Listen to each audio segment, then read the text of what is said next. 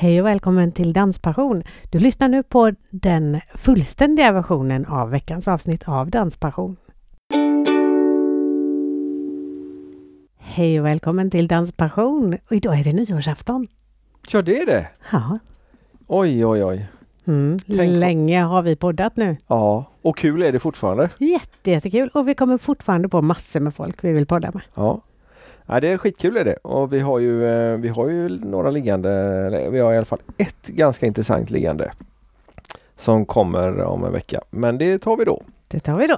Nu har vi också ett superintressant avsnitt. Precis, ett helt liksom nytt. eh, Vi har aldrig poddat med någon liknande profil förut. Nej, eh, vi har ju nämnt företaget några gånger. När vi, framförallt när vi har poddat med dansband. Mm. Det är ju ganska mycket dansbandsfokus på det här vi ska prata om idag. Ja, och utan de här så hade vi inte haft så mycket att dansa till tror jag. Nej, precis. För vi ska podda med Per Winberg från Atensia Records. Yes! Och det är alltså ett skivbolag som det hette förr. Musikbolag ville Per kalla det för nu. För nu är det inte bara skivor de gör. Nej, men det där tror jag att han får berätta om. Men vi har ju faktiskt dansat lite i veckan också. Ja, julsmällen. Mm. Och Peter dansade hela tiden. Så Ja, jag var och kissade två gånger. inte. Jag var och kissade två gånger. Ja, okej. Ja. Jag Nej, vi, dansade en del jag också. ja, och så träffade vi massa goda kompisar. Jättemånga och supertrevligt arrangemang. Verkligen, riktigt, riktigt bra jobbat. Och så fick jag faktiskt dansat med Julia också. Ja, det fick du. Ja. Och jag fegade ur och vågade inte dansa med Jimmy. Nej, du gömde dig för honom. Han hittade inte dig, sa han. Det gjorde ju inte du heller å andra sidan. Så. Jo, honom hittade jag, men inte dig. Nej, precis. Nej, nej, det är sant. Du kanske var uppe och dansade med någon annan då. Ja, man vet aldrig. Ja, Stefan Petersson träffade vi också på. Ja, Mm. honom dansade jag med. Ja, Ja. se där ja. Superduperkul och han kommer vara med i sommar igen på eh, Sverige dansar i Västervik. I Västervik. Mm. Det blir kul. Det blir det absolut. Hoppas det blir bättre väder än vad vi har nu. Ja, det lär det väl bli. Ja. Eh, För nyårsafton och julafton brukar ju inte vara något toppenväder. Så inte In- heller. inte här i Göteborg i alla fall. Nej, precis. Och vi har för första gången två versioner av dagens avsnitt. Ja, eh, vi har ju eh, pratat ganska länge med Per på Atensia Records. Så vi tänkte att eh, fullversionen det är ju den som innehåller allt. Framförallt alla anekdoter om vad han har gjort för något, vilka superkändisar han har träffat och jobbat med. Och eh, även standardfrågan är med i fullversionen. Precis, och den korta versionen har vi då försökt att klippa ner så att det är mest fokus på eh, dansband och hur det funkar att göra skivor och, och den biten av Mm. Atensia Records jobb. Precis. Eh, självklart rekommenderar jag den långa versionen och man måste ju inte lyssna i ett streck. Men om ni bara står ut med oss och Per i en timma så är det den korta versionen. Jag kunde inte klippa det kortare än en timma och den långa versionen blir nästan en och tre kvart. Mm. Men det är, det är väl investerade minuter att eh, lyssna för att det är väldigt mycket intressant som han har pratat om. Vi tyckte i alla fall att det var helt superintressant. Ja, Så jag tror att vi eh, helt enkelt släpper fram honom och önskar allihopa ett supergott nytt år och eh, god fortsättning på det nya året för ni, er som inte lyssnar med en gång. Precis och eh, kolla noga på länkarna nu som ligger i beskrivningen här också för det är väldigt mycket musik. Och eh, Per pratar bland annat om en lista och eh, mycket nytt från det är både Perikles, Donnes och eh, Casanovas med deras eh, Ängarnas specialversion där. Plus lite till, eller ganska mycket till faktiskt. Ah, nu kör vi igång avsnittet. Det gör vi absolut. Trevlig lyssning! Gott nytt år! Gott nytt år!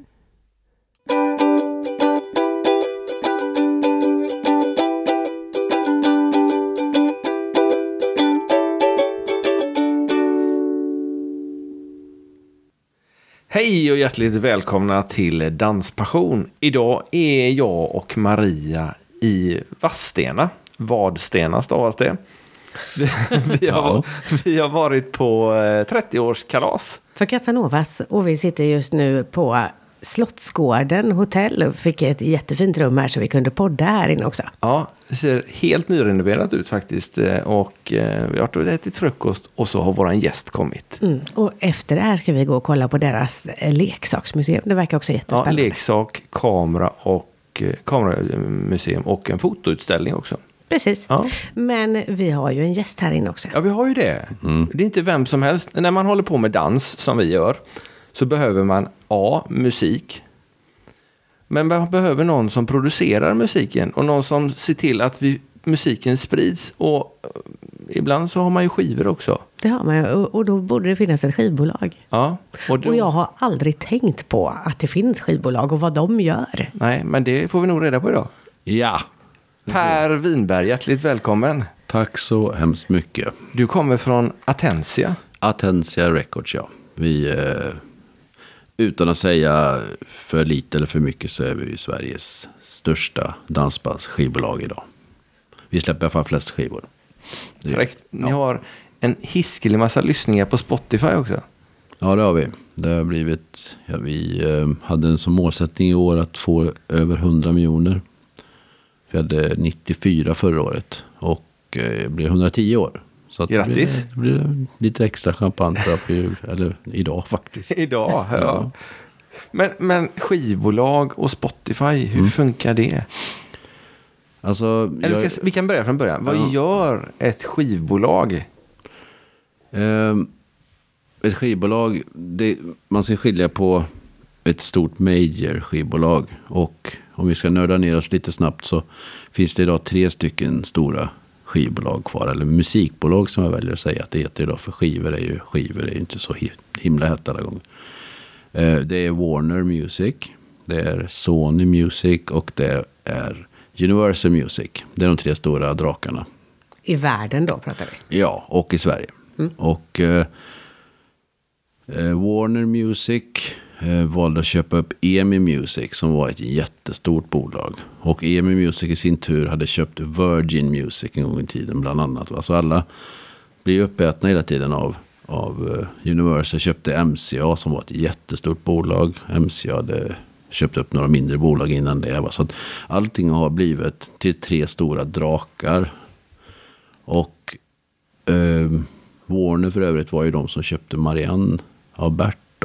Så att, eh, och köpte Frituna som också var ett skivbolag som ägdes av en kille som heter Göran Waltner.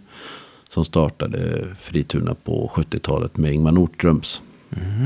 Och eh, så Warner har ju en enormt stor katalog idag. Med eh, all Marianne Grammofon dansbandsmusik då. Och det är ju enormt mycket. Och även då Fritunas grejer. Och eh, har ju valt en strategi att Jobbar med Lasse Stefans fortfarande då. Som är givetvis störst. Kan man ju inte säga någonting annat om. Och eh, ett par andra grejer. De har Rolands till exempel. När de får för sig att göra någonting nytt. De har Flamingo och så vidare. Men annars så. De där bolagen är någonstans för stora för att pyssla med det vi gör. Vi gör mera plattor. Även, även om vi har stora band. Och vi vinner priser och vi säljer på bra. Och vi har faktiskt sålt guldskivor. Och streamat guld på vissa grejer. Så, där, så släpper vi även grejer som vi går runt på lite mer än det. På mindre grejer tack vare att vi har mycket mindre overheadkostnader. Har- sitter inte i stora feta lokaler i Stockholm och behöver betala ut löner till 120 pers liksom och sånt där. Utan vi kan sköta det lite, jag ska inte säga gerilla skivbolag liksom. Men det, det är på ett annat sätt. Vi jobbar mycket tajt med alla våra band och gör egna typer av skivkontrakt. Dealar med dem utefter deras möjlighet och situationer. Och jag har själv jobbat på stora bolag och då är man ju väldigt bakbunden till att ha hur ett kontrakt ser ut. Och man får inte sälja skivor för ett mindre pris än det. Och det är massa sådana här internationella regler som gäller inom bolag då. Men här kan ju vi, det är ju High Chaparral hos oss liksom. Vi kan ju prata med ett band. Okej, då gör vi si för er då. För att det är liksom, vi måste ju skräddarsy grejer idag. Det är en helt annan bransch idag än vad det var för ja, både fem och tio. Och sen inte minst 20 år sedan då. Innan hela den här äh, nedladdningshysterin började då. Då var det ju då var ju allt annat än 20-30 tusen på en skiva. En flopp liksom.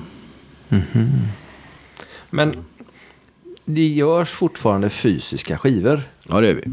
Det gör vi. Det finns en marknad, i synnerhet för dansband. Eh, med fysiska skivor. Problemet idag är ju att det finns mycket färre ställen att sälja på. Förut så fanns det ju 150-200 skivbutiker i Sverige.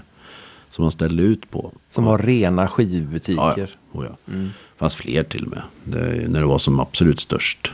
Det är lite som med dansställen. Liksom, som slår igen. Men idag så är det ju då Ginsa. Som jag jobbat på. Sitter ihop med fortfarande. CD-ON. Eh, musikservice är en jättestor grossist. Den största vi har.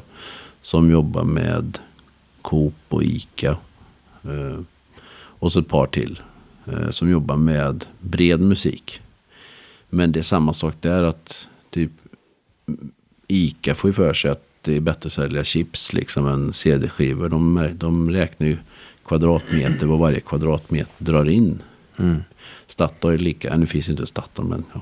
Circle K. Eller vad fan de nu heter. Ja, den sista vill snart ändra. Bensinstationerna. De, de räknar i kvadratmeter och liksom, det är klart att CD-skivan är inte så sexig. Så de skiter ju i den då. Och vilket har gjort att det har blivit mycket, mycket färre ställen att sälja på. Och det har ju givetvis dratt ner Eh, antalet sålda ex. Och där kommer ju då anledningen att vi startade Tensia var ju att jag började jobba hos Hasse eh, som äger Ginsa då. 2010. Jag har känt honom sedan början på 90-talet men vi har bara liksom ja, varit kompisar kan man säga.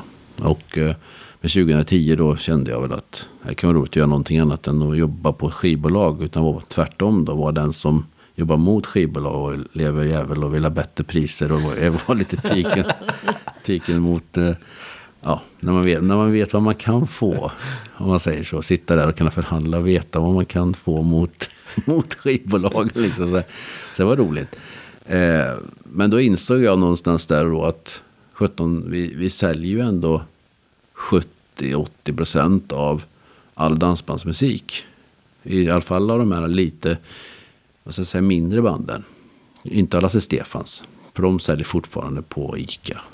Mm. Men eh, av de mindre banden, om vi nu säljer sig 70 procent av alltihop. Varför inte göra som ICA och göra egen, egen mjölk? Och, liksom, och då testade vi på att göra en platta. Och i den vevan så hörde en gammal kompis Patrik Elersson, Lotta Engbergs för detta man då. Som hade jobbat med i andra projekt tidigare av sig och sagt, sa att han hade spelat in en platta med Bert Idoffs. Eh, en, en Lätt för mig heter skivan. Eh, och vi bara pratade så här, men fan vi släpper den på ja, vi startar ett skivbolag liksom och så släpper vi den och sen så lever vi på att Ginsa kan marknadsföra den väldigt enkelt. Vi vet ju exakt vilka som har köpt dansbandsmusik. Och det är lätt för oss att skicka ut ett nyhetsbrev bara till dem. Vi kan lägga upp den på hemsidan. Vi kan lägga ut den i vår Ginsa-katalog. Vi kan, ja, det är jätteenkelt för oss att nå publiken. Va? Och rätt publik också. Japp. Och, eh, och då pratar jag med Marcus och Lotta då i Bert Idolfs. Och eh, vi kom överens om att vi kör, liksom, vi testar. Och det gjorde vi. Och det följer precis ut på det sättet vi önskar då. Att, att vi hade väldigt lätt att komma ut. Via Ginsas fantastiska kunddatabas. Alltså vi har, Ginsa har ju, nu ska jag inte ljuga för men det, över en miljon personer har handlat via Ginsa.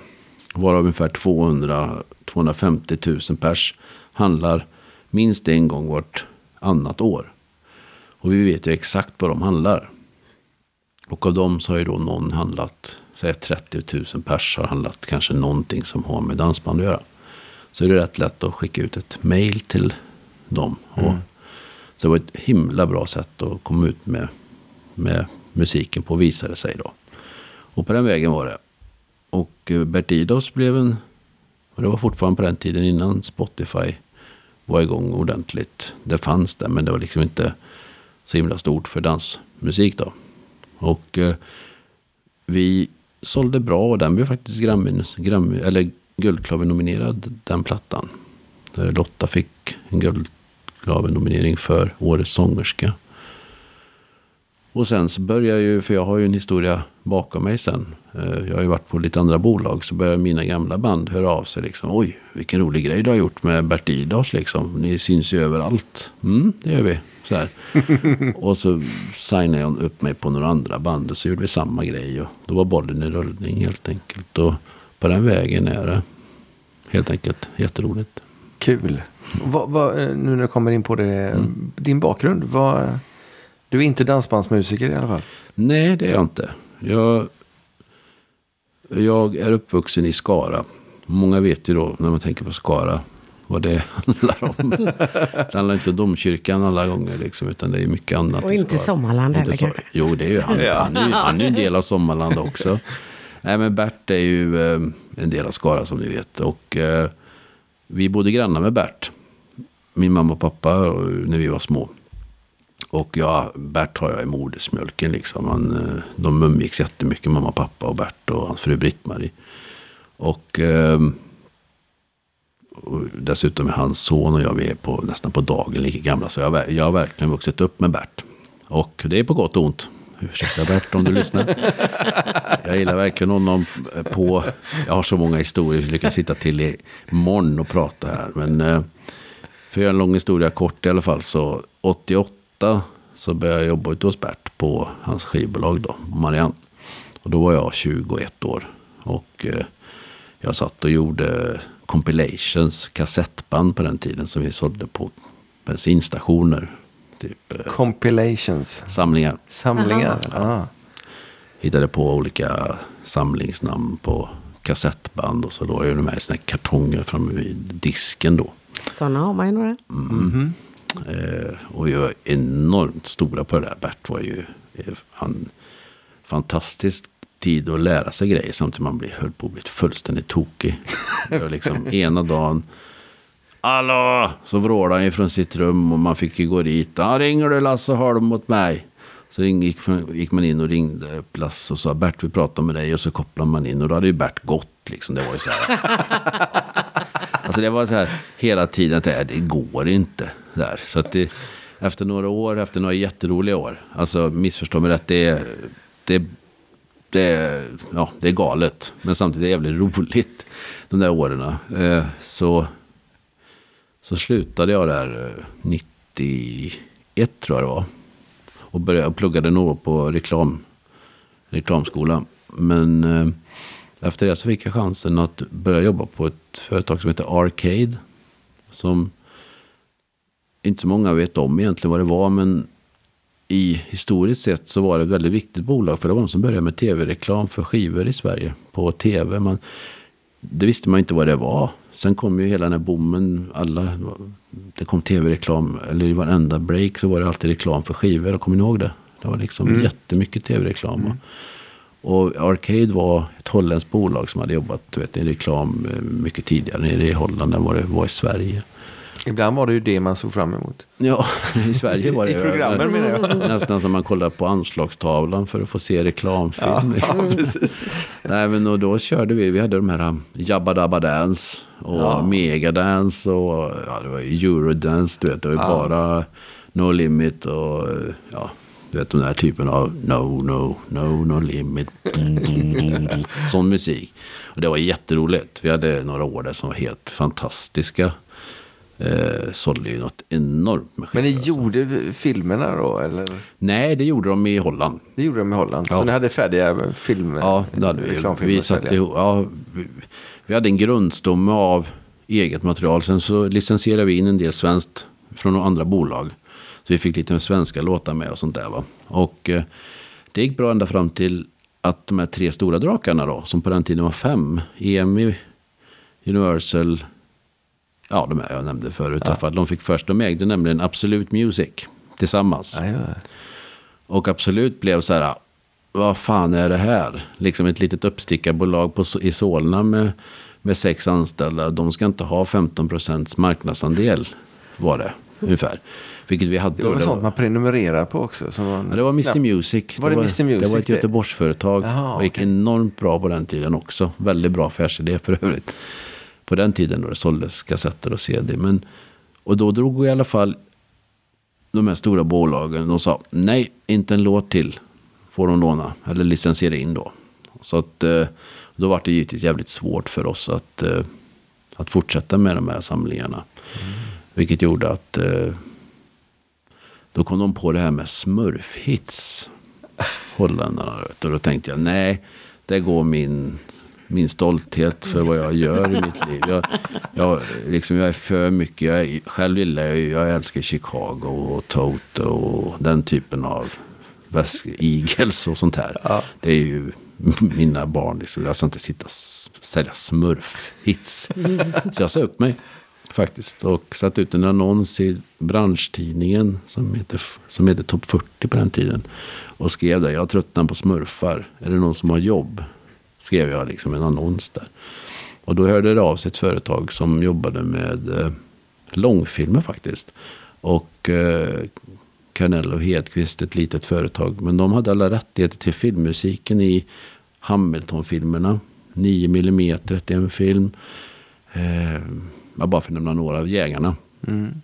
Och där vi även hade produktplacering var rätt nytt i Sverige. Så en av killarna där, han jobbade med produktplacering. Och förstörde filmerna. Ni kommer ihåg Hamilton, alltså när han åker förbi Statoil liksom. Och det är ingen slump att han åkte förbi och att den stannade den där jävla Just det. ja, men det var, det var en bra tid ändå. Det var väldigt roligt. Och jag gjorde soundtracken till de där filmerna då. Och... Eh, du gjorde, gjorde soundtracken? Alltså, inte spela in. Nej. Jag såg till vilka låtar som kom med på soundtracken liksom. Och, och eh, ja, jätteroligt att jobba med den biten också. Har jag inte gjort sedan dess med, med filmbranschen då. Men det var himla skojig tid. Och när vi inte hade film, filmer i projekten då, då hjälpte jag Sony Music att göra lågprissamlingar. Som då kom ut på Coop och så vidare. Mm. Uh, och på den vägen var det. Du hörde Virgin. Nu, vilket långt samtal det blir. Ja, det är en podd. Det är, det är meningen. Det är mitt i tanken. Ja, du hörde i alla fall Virgin då som var inte ett av de här absolut största bolagen, men ändå ett jäkligt stort bolag av sig och frågade mig om jag inte ville börja jobba där.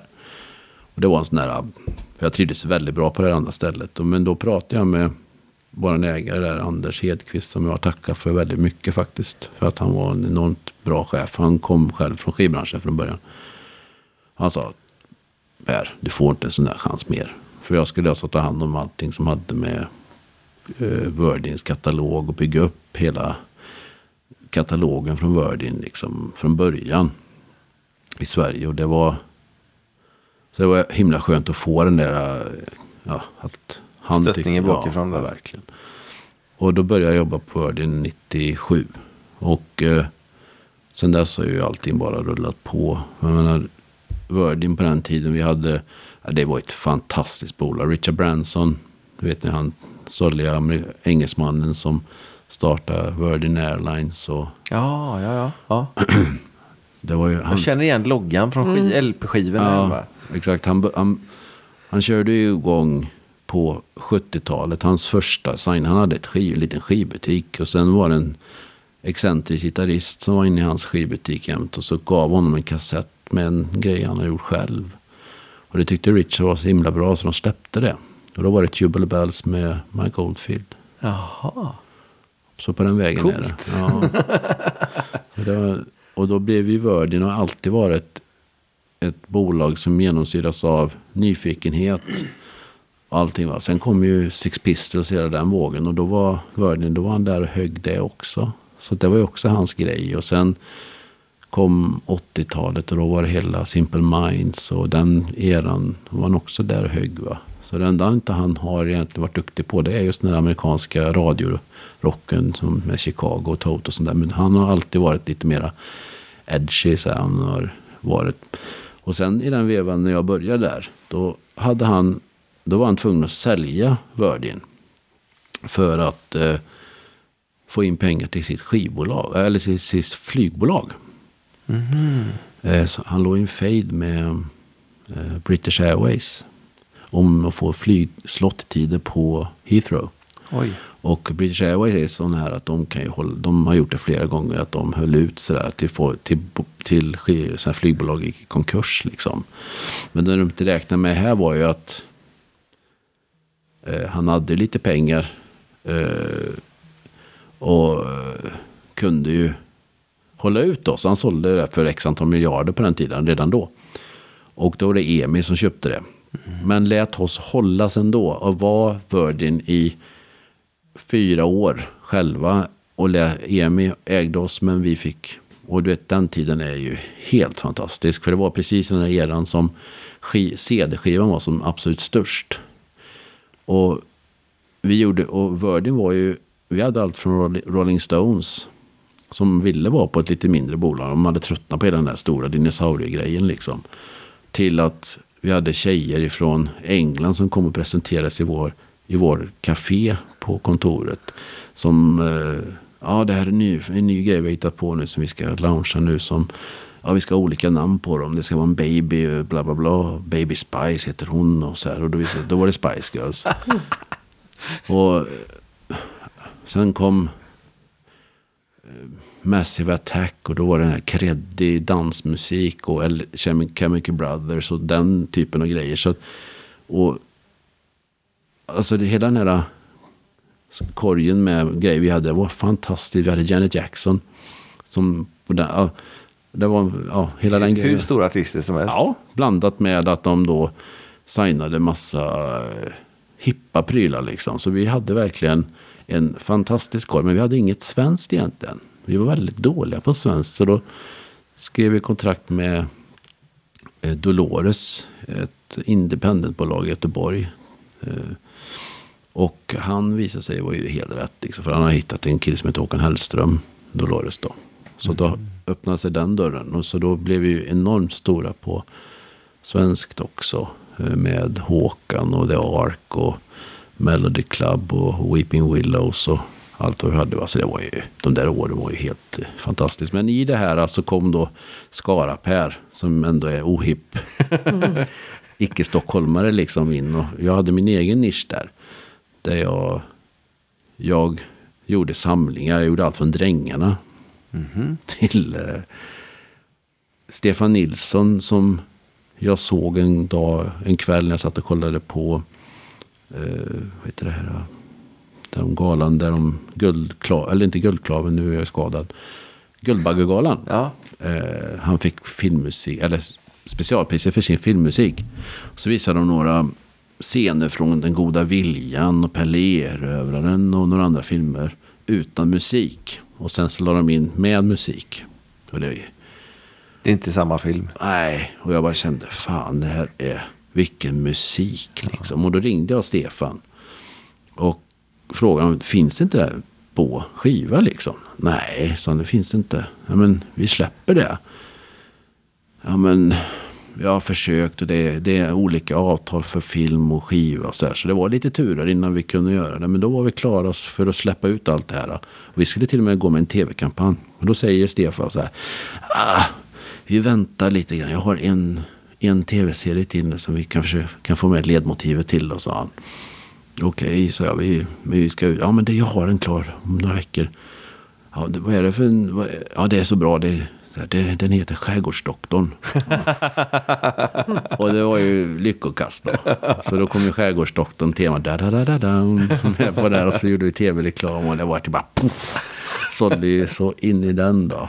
Och sen gjorde vi även Så som i himlen. Jaha. Det är också Stefan som har gjort den fantastiska musiken till eh, med Helen då på sång. va. Så den gjorde vi också på Virgin. Så jag var ju den som inte var Håkan Hellströms musikjobbandet då. Utan jag gjorde de här konceptalbumen mera. Och sen efter det så ringde Hej, jag heter Åsa Ginder. Ja, hej, hej. Så här, "Det- är det du som är tokig och har gjort den här Stefan Nilsson-musiken liksom? ja, jo, det är jag. Så här.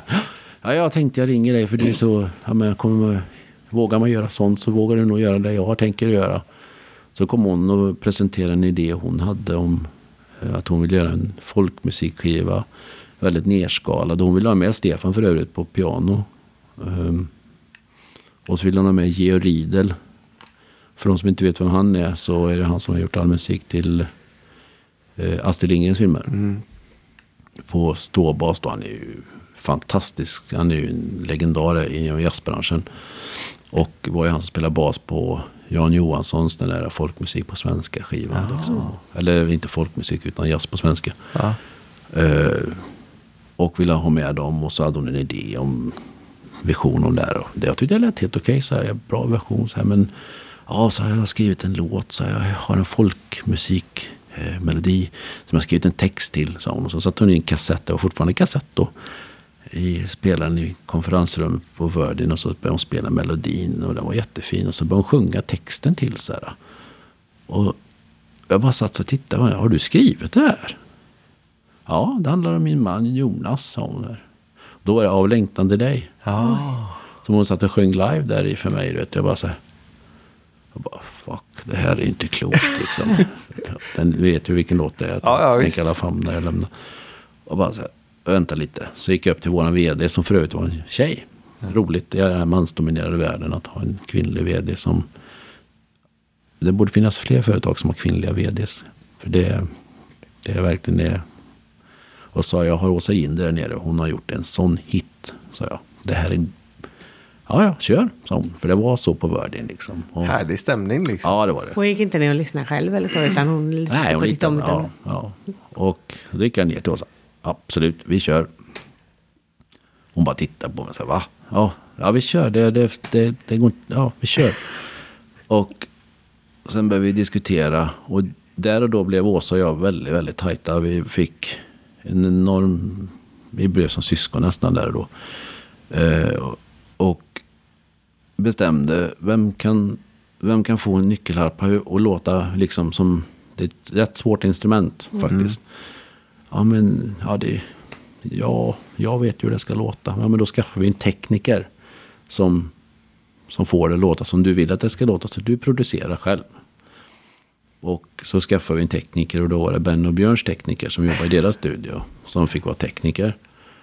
Och sen frågade vi Stefan, var är bästa flygen i Stockholm? Liksom, vilken, ja, det är den som är i Studio 12 i Radiohuset. Ja, så åkte vi till Radiohuset och hyrde in oss där. Och så visade det sig att det var där de hade spelat in Jan Johanssons, den här Jazz på svenska, med eh, Riedel. Riedel då. Så det var ju, alltså få vara med om det här um, musikhistorien som ändå var det. Liksom. Där står ju Riedel och, och så här. Och sen så började vi spela in skivan. Och den, hela den skivan är, magnifik. Och ni frågar mig fortfarande. Den är fantastisk. Och det mesta på den skivan är faktiskt eh, improvisation i... Och sen gjorde vi den här um, av längtan till dig i bakgrunden. Va? Jag kände redan där och då att det här kan bli bra. Och sen diskuterade jag och Åsa så här, vem fasen ska vi ha som sjunger liksom? Kajsa-Stina. För då hade hon varit väldigt borta. Det är inte så många som tänker på det, men hon hade inte gjort något på många år. Hon hade varit, eh, hon hade varit i eh, och, och utbildat sig till eh, arkeolog. Ja, det var ju lite oväntat. Men ja. Men det, det, så Åsa ringde upp, och, upp henne och sa, kan vi inte du vara med på den här grejen?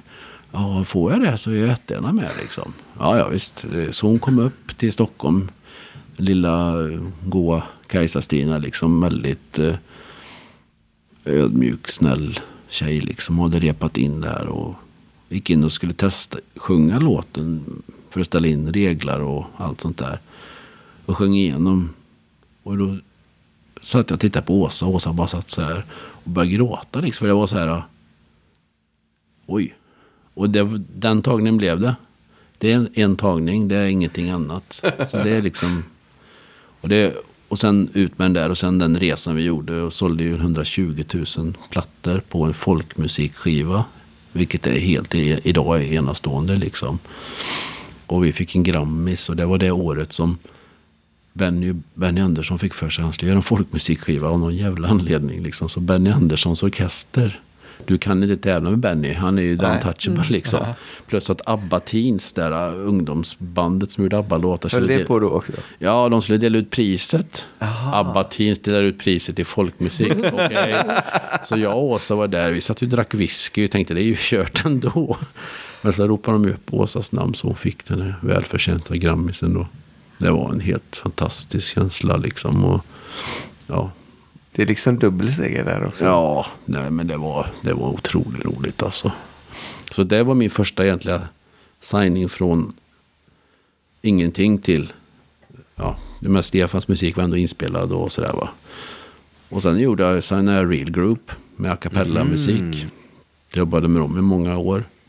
Var i Japan med dem på turné och sådana där grejer. Och, ja, gjorde väldigt mycket sådana här koncept, konceptuella grejer. Mycket så här paketerade in Real Group när de gjorde en viss grej. Allt från julalbum till svensk folk. Ja, mycket sådana olika projekt. Och Virgin-tiden var väldigt rolig. Och sen fick EMI i alla fall för sig att de skulle flytta ihop oss. Eh, till slut. Vilket de gjorde. Och då fick våran vd följa med och bli vd för hela konkarongen. Och jag fick fortsätta vara den jag var. En fri liten galning liksom. Jag fick göra vad jag ville. Vilket var jävligt roligt. Det var verkligen, jag fick verkligen fria händer där. Och jag gjorde allting. Och, men på, nu ska vi ju snart börja prata dansband. För det är därför jag är här. Men Nej, det är överhuvudtaget skivbolag. Så att det här är intressant för hela vägen. Nej, men på EM i alla fall då. ehm, så fanns då ett skivbolag då som heter Frituna. Och Frituna var det med vi pratade om i början. Han, Göran Walter signade en gång i tiden. Ingvar Nordström som byggde upp sin, sitt kapital kring den kassakon. Liksom. Det var ju en Ingvar Nordströms skiva om året på den tiden Ja. som sålde. Och det var det enda bandet som inte Bert hade egentligen. Det var Ingvar Nordströms. Ja, han hade, det var väl något mer men Ingvar Nordströms var så här riktiga kassakor för Ja, för de är jättestora. Ja, ja, de var gigantiska. Ingmar Nordströms Saxparty nummer Ja, 72. 70, 78 liksom. Nej, men. och jag, till slut så såg ju Göran någonstans en annan ohipp människa i huset. För det fanns ju bara hippa folk som sprang kring där. Inget ont om er snälla EMU-människor som lyssnar nu. Men det var ju egentligen vi två som var folkliga. Han var ju också utifrån liksom. Och, och så såg han, ja, han har ju jobbat hos Bert och bla bla bla liksom. Så han sa, kan inte du hjälpa mig med Frituna? Och du är så duktig på det här med marknadsföring och koncept och hela den här biten. Så att du kan väl komma in och stötta upp mig på Frituna-grejer. Och då hade han signat över vi, både Vikingarna och Lasse Stefans och sånt från Bert. Så det var lite krig däremellan. Så Bert var väl inte så glad på mig ett tag. Men... Eh, så vi var, Frituna var enormt stora. Alltså, vet, vi sålde enorma mängder med Vikingarna innan de slog ner där. Det var vid den vevan de skulle sluta ganska inpå där sen då va. Men de spelar nu igen emellanåt. Jajamän, nu är de ute igen lite grann. Eh, Christer och, och de. Men eh, då var det så här. Sen slut. Sen sa Göran, Göran till mig. Ja, nu ska jag gå i pension. Och det är bara du som kan ta över. Ja. Så fick jag ta över hela Frituna-labeln där och då på EMI. Och på Frituna låg förutom Lasse Stefans, Vikingarna, hade vi Black Jack, Wahlström, ja, vi- you name it liksom. Det var ett väldigt stort bolag faktiskt, det var det. Och jag hade väldigt roliga år där också. Gjorde mycket eh, Elvis-tolkningar med Christer Sjögren och vi gjorde visor faktiskt med Christer och vi gjorde religiöst och jag gjorde samlingar med Vikingarna och jag gjorde Ja just det, Ingmar Nordströms gjorde en samling med den är helt fantastisk den historien. För att vi gjorde en eh, samling och paketerade in den och gjorde ett par nya låtar och så in med den och så ut med den du vet, sälja då. Och vi petade ner Kent från första platsen på topplistan med den här skivan. så jag ringde ner till eh, Ingemar och sa det, att vi, vi har petat ner Kent. Vilken Kent? ja just det, så var det ja. Det var, det var tider det. Det är stort. Ja, det var det. Ja, men det, nu jag tänker efter, det var. Var det. Ja, nej, det var roligt. Så att eh, Ingmar är otroligt eh, ödmjuk och bra musikant som faktiskt lever fortfarande. Ja. Han är nog inte så mycket ute och spelar men eh, fantastisk eh, musiker på alla sätt. Överhuvudtaget Ingmar Nordströms var väldigt bra på det de gjorde. De hade en unik grej där. ja, de var ju Ja, ja absolut. stora som... Ja. Det är synd, sådana band finns det ju tyvärr idag inte riktigt plats för. För att eh, de är för många. Det är för dyrt att dra runt ett sånt band. Liksom, man kan det vara sex, sju pers ute och spela. Liksom, för de, de gagerna finns ju inte idag som fanns på den tiden. Där de kunde spela på ställen som krogar och sånt där som hade andra budgetar och ha förband. Och, Nej, det är ju väldigt mycket dansställen överhuvudtaget som har försvunnit. ja, det är det. Och nu, jag vet inte om jag svär i kyrkan, men det är ju tyvärr så att, att eh, den här eh, dansen för, om man ska säga jag då som inte kan dansa i sam, många av era lyssnare som är sportdansare då. Så jag vågar ju knappt gå ut på ett ställe där jag vet att jag skulle aldrig gå in på bana 3 på, i Malung och dansa en, eh, en sån här modern kväll. För jag är inte tillräckligt bra för det. Jag ser ju hur jag är i vägen för alla. Och det är lite synd att det har blivit så. Det är det Mm, absolut. Och eh, det tror jag lite är faran för hela våran bransch framöver. Att vi måste komma tillbaks till, och det har ju båtarna blivit istället. Då, litet, eh, Mm. Att eh, dit åker ju, man säger vanligt. Vanligt folk att dansa. Men också dansare. Ja, det För där är det ju blandat. Och det bevisar sig ju att det går. Absolut. Att, eh, det är ju inte, ska man säga, vattenflaskfolket då. Eller plast. Nu är det, Oj, vad nu telefon. kommer, kommer rymdskeppen här. Just det. Nej men eh, eh, de här eh, pannbandsfolket om vi nu uttrycker oss Ja. så då. Med, utan att för den skulle... Det är vi det tror jag ibland. Nej, pannband har vi inga. Nej, vi jag till- tror att vi räknar till den kategorin emellanåt i alla fall. Vattenflaska har vi med oss. Vattenflaskfolket då. Utan att för den sakens skull. För vi lever på vattenflaskfolket också. Eller våra band. Typ Casanovas för att nämna ett nu som vi har sett igår. Va? Självklart. Det ska ha sin plats också. Men det är, far, det är farligt just att de här vanliga ställena som band förut åkte ut till och spelade i på stadshotell och sånt där. Mm. De finns ju inte längre. Och nu är inte jag någon bokare och jag ska inte gå in mer på egentligen på det. För jag pratar om skivbolag. Men utvecklingen är ju inte bra där. Nej. tyvärr. Nej, det har vi förstått och det tycker ju inte... Banden gillar ju också publiken som inte är fullt så fokuserade på dans. Nej, utan som fortfarande vill ha en trevlig kväll. Mm. Och kunna dansa. Det är inte det, det här reglerna som jag har lärt mig att det är mycket liksom att. Där folk till och med blir irriterade på folk som inte kan regler. Vilket egentligen är farligt. Det är Fast farligt. folk kan bli irriterade på varandra om över allt möjligt. Jag Ja. har fått tillsägelse över att jag har haft för stor kjol någon gång. Ja, du hör ju Tog själv. för mycket plats på dansgolvet. Du hör ju själv liksom. Ja, men det är ju hemskt. Ja. På riktigt. Det är ju... Så får det inte vara. För då är det inte Det ska roligt. ju vara att alla är där för att ha roligt och att man liksom hjälper varandra och Ja. ha extra kul istället. Ja. Om man Det är läser, det som är målet. Om man läser ju de här diskussions, eh, som är på vissa diskussionsforum på sociala, eh, sociala medier om, om man blir mörkrädd alltså. Mm. Jag måste säga det. Jag tycker att det det är synd att det ska vara så. Då kan de träffas i en danslokal i, i, en, i en fabriksområde någonstans och stå där och springa runt och dansa 180 ihop då. Mm. Och träna till det. Men ute måste folk kunna få träffas och ha socialdans. Annars kommer det försvinna. Man ska vara riktigt krass. Ja, det är en, en tråkig konsekvens av det hela. Men i alla fall för att återknyta till och av, av, avsluta allt det här. Så slutade jag på EMI. Och började sen på Ginsa. Efter några år med både... Och det var på EMI som du började träffa alla dansbanden nu då? Ja, precis. Och det var där och då som jag knöt kontakter och hade väldigt kul med alla de här dansbanden. Bland annat, vi stod och pratade minnen igår, jag och Daniel i Wahlströms.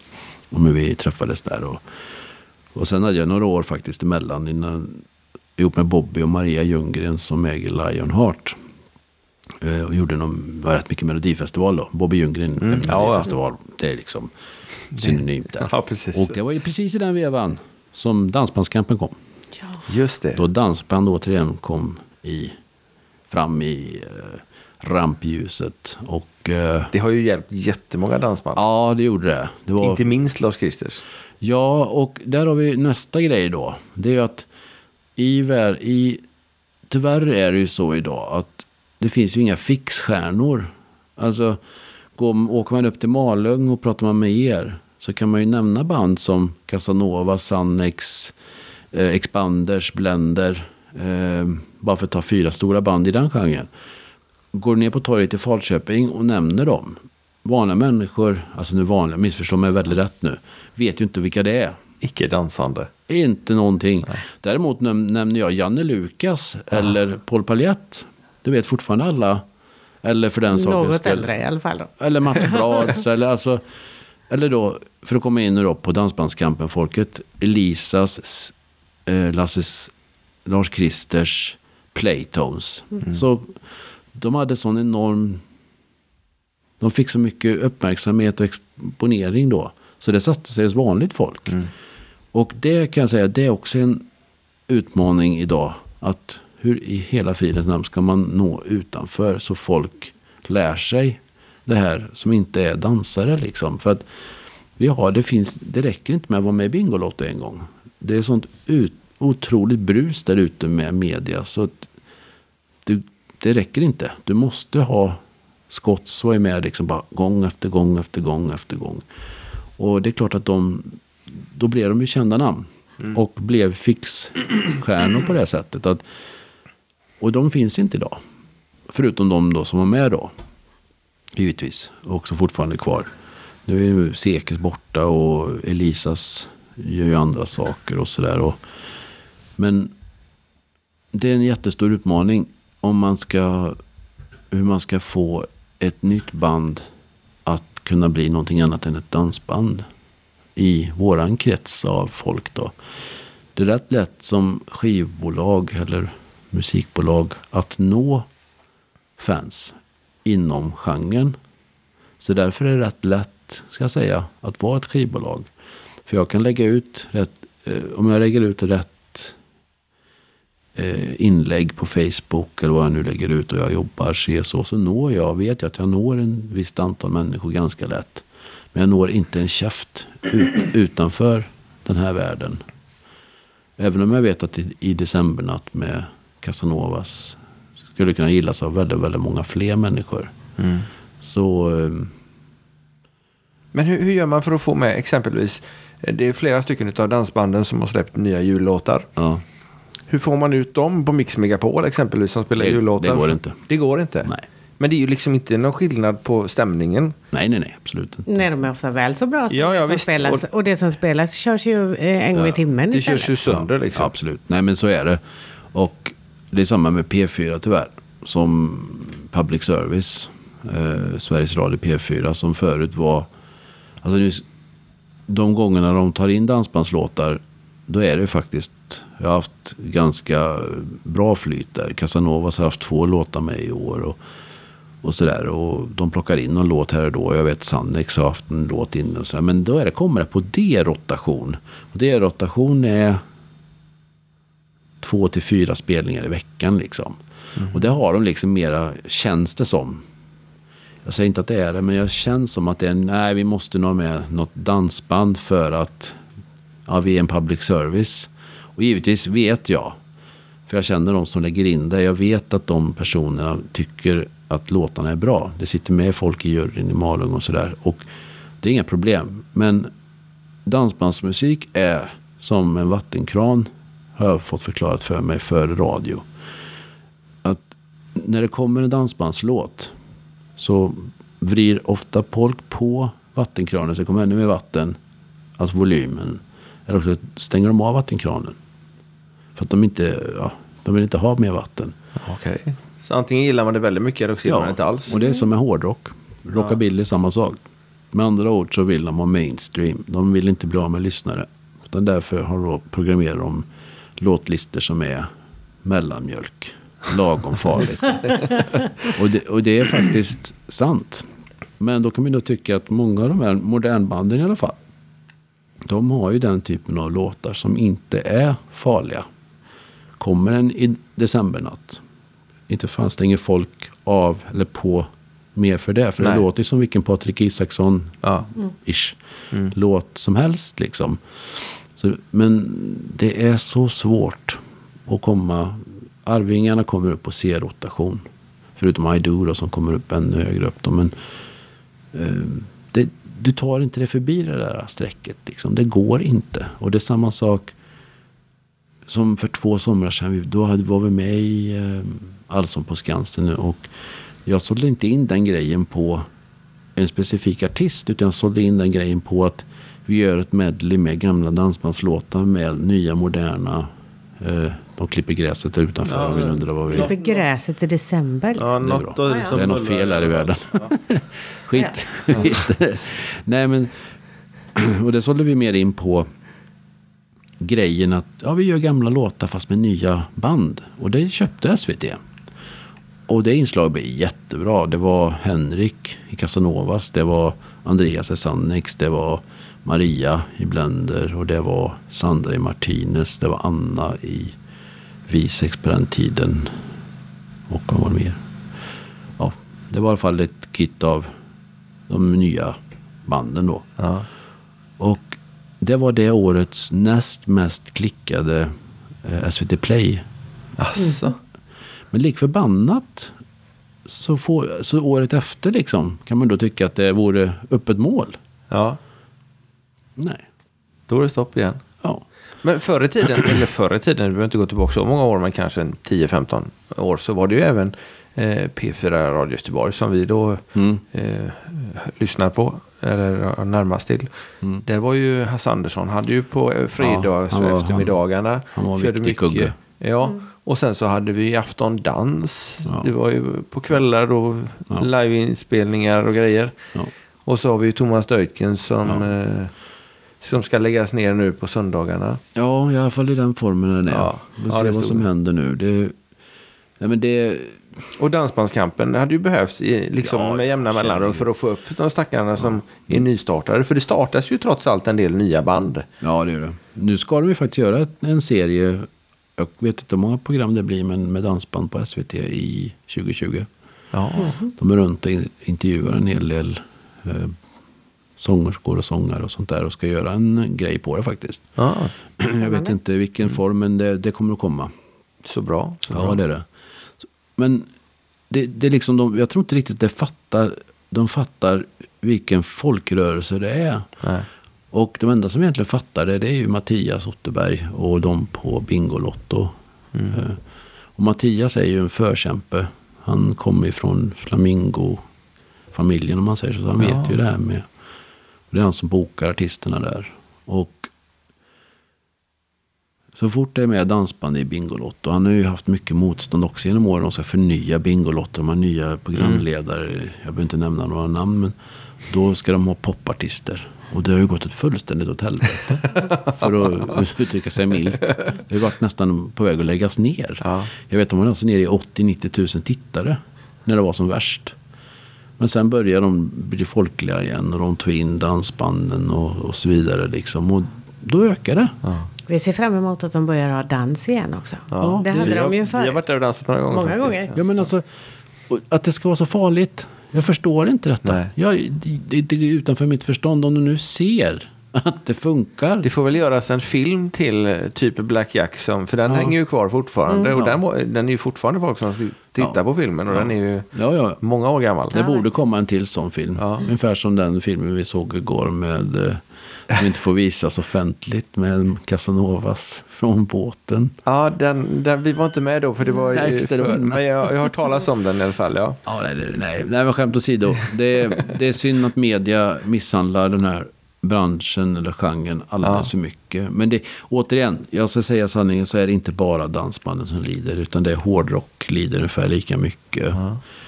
Rockabilly som också är en jättestor genre i Sverige. Med alla sina bilträffar och you name it. De är också helt eh, bortkollrade av, Av, av media överhuvudtaget. Och det finns andra. Men, utan det ska vara det här eh, som är ofarligt. Nej, just det, som inte säger så mycket. Ja, typ.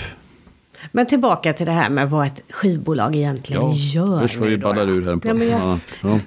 Vad vi gör. Ja, Om vi tar ax från limpa då. Om vi ska börja med att eh, ni ska göra en skiva. Danspassions med Z. Självklart. Ja, nej, men vi säger, vi, nu sitter vi här och vi ska ha möte. vi på- sjunger ju så fantastiskt bra Ja. också. Eller i alla fall jag. Ja, Eller det finns sådana det finns där inställningar som man kan... Ja, precis. Danspassions. Nej, men vi, vi gör en skiva har vi bestämt då. Och eh, skriver kontrakt. Och sen diskuterar vi lite grann där hur det ska se ut. Och sen lägger vi upp en plan för 2020. Att nu, ja, plattan borde komma 27 maj. För nu har vi en stor sommarturné liksom. Det är korkat att inte ha plattan ute tills dess. Är det ni som har studion också då, eller hyr man Nej. in sig? Man hyr in sig hos olika producenter, men man tycker passar bäst in för artistens eller bandets sound då. Och i Danspassions, eh, ert sound är rätt som rätt moget så här. Det är mycket blås och det är liksom... Ja, jag, jag, vi ska, säger det. jag, Vi säger det. jag säger några er till att bli ett litet skönt, moget, mustigt band. Det måste komma ett nytt Vikingarna liksom. Och då diskuterar man liksom vilka producenter finns det. Ja, okej vi går till eh, han eller ja. Och sen hör jag av mig till den producenten. Och så säger jag vi ska göra en, ett album med Danspassions. De, vi har, det ska vara ute DC och det och det datumet. Du har det, det, det, den hinner du? Ja, ja visst det är lugnt. Ja, då bestämmer vi det. Och sen efter det sen så börjar vi jaga låtar. Och så, Jaha, man börjar i den änden. Man, säger, man kommer till det och säger att vi vill ge ut en skiva. Ja, alltså nu.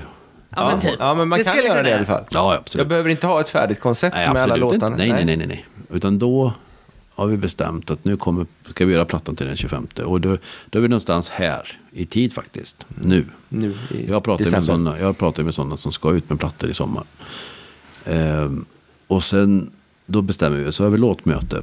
Och då har jag skrapat fram låtar från höger och vänster liksom. Och jag, Jagar du låtar då eller får ja, du skicka till Jag dig? får mycket skickat också, det får jag. Det är liksom, de vet att, eh, vem de ska skicka till de här låtskrivarna. Ehm, och så sätter vi oss och lyssnar och sen så sätter jag på mig Bert Karlsson-hatten. Och så säger vi, ah, vi måste ha några covers också. Ah, det måste finnas lite annat. Så försöker man hitta på kanske några roliga, ja, häng med på party som jag sa till Stefan och Jerry i, eh, och Maria dem i Titanics. Det tror jag så det kan bli en jädrigt bra cover med er. Så gjorde vi häng med på party och det blev ju en jättehit. Va? Nu slår inte jag mig själv på bröstet, men det var typexempel. Eller, eh, ja just det, rulla in en boll och låt den rulla. När jag sa det till, till Jocke och Henrik i Kindbergs. Rulla in en boll och låt den rulla liksom. Jag lovar, får ni till en buggversion på den kommer det bli superbra. Och bara, Jocke bara, vad tror du det?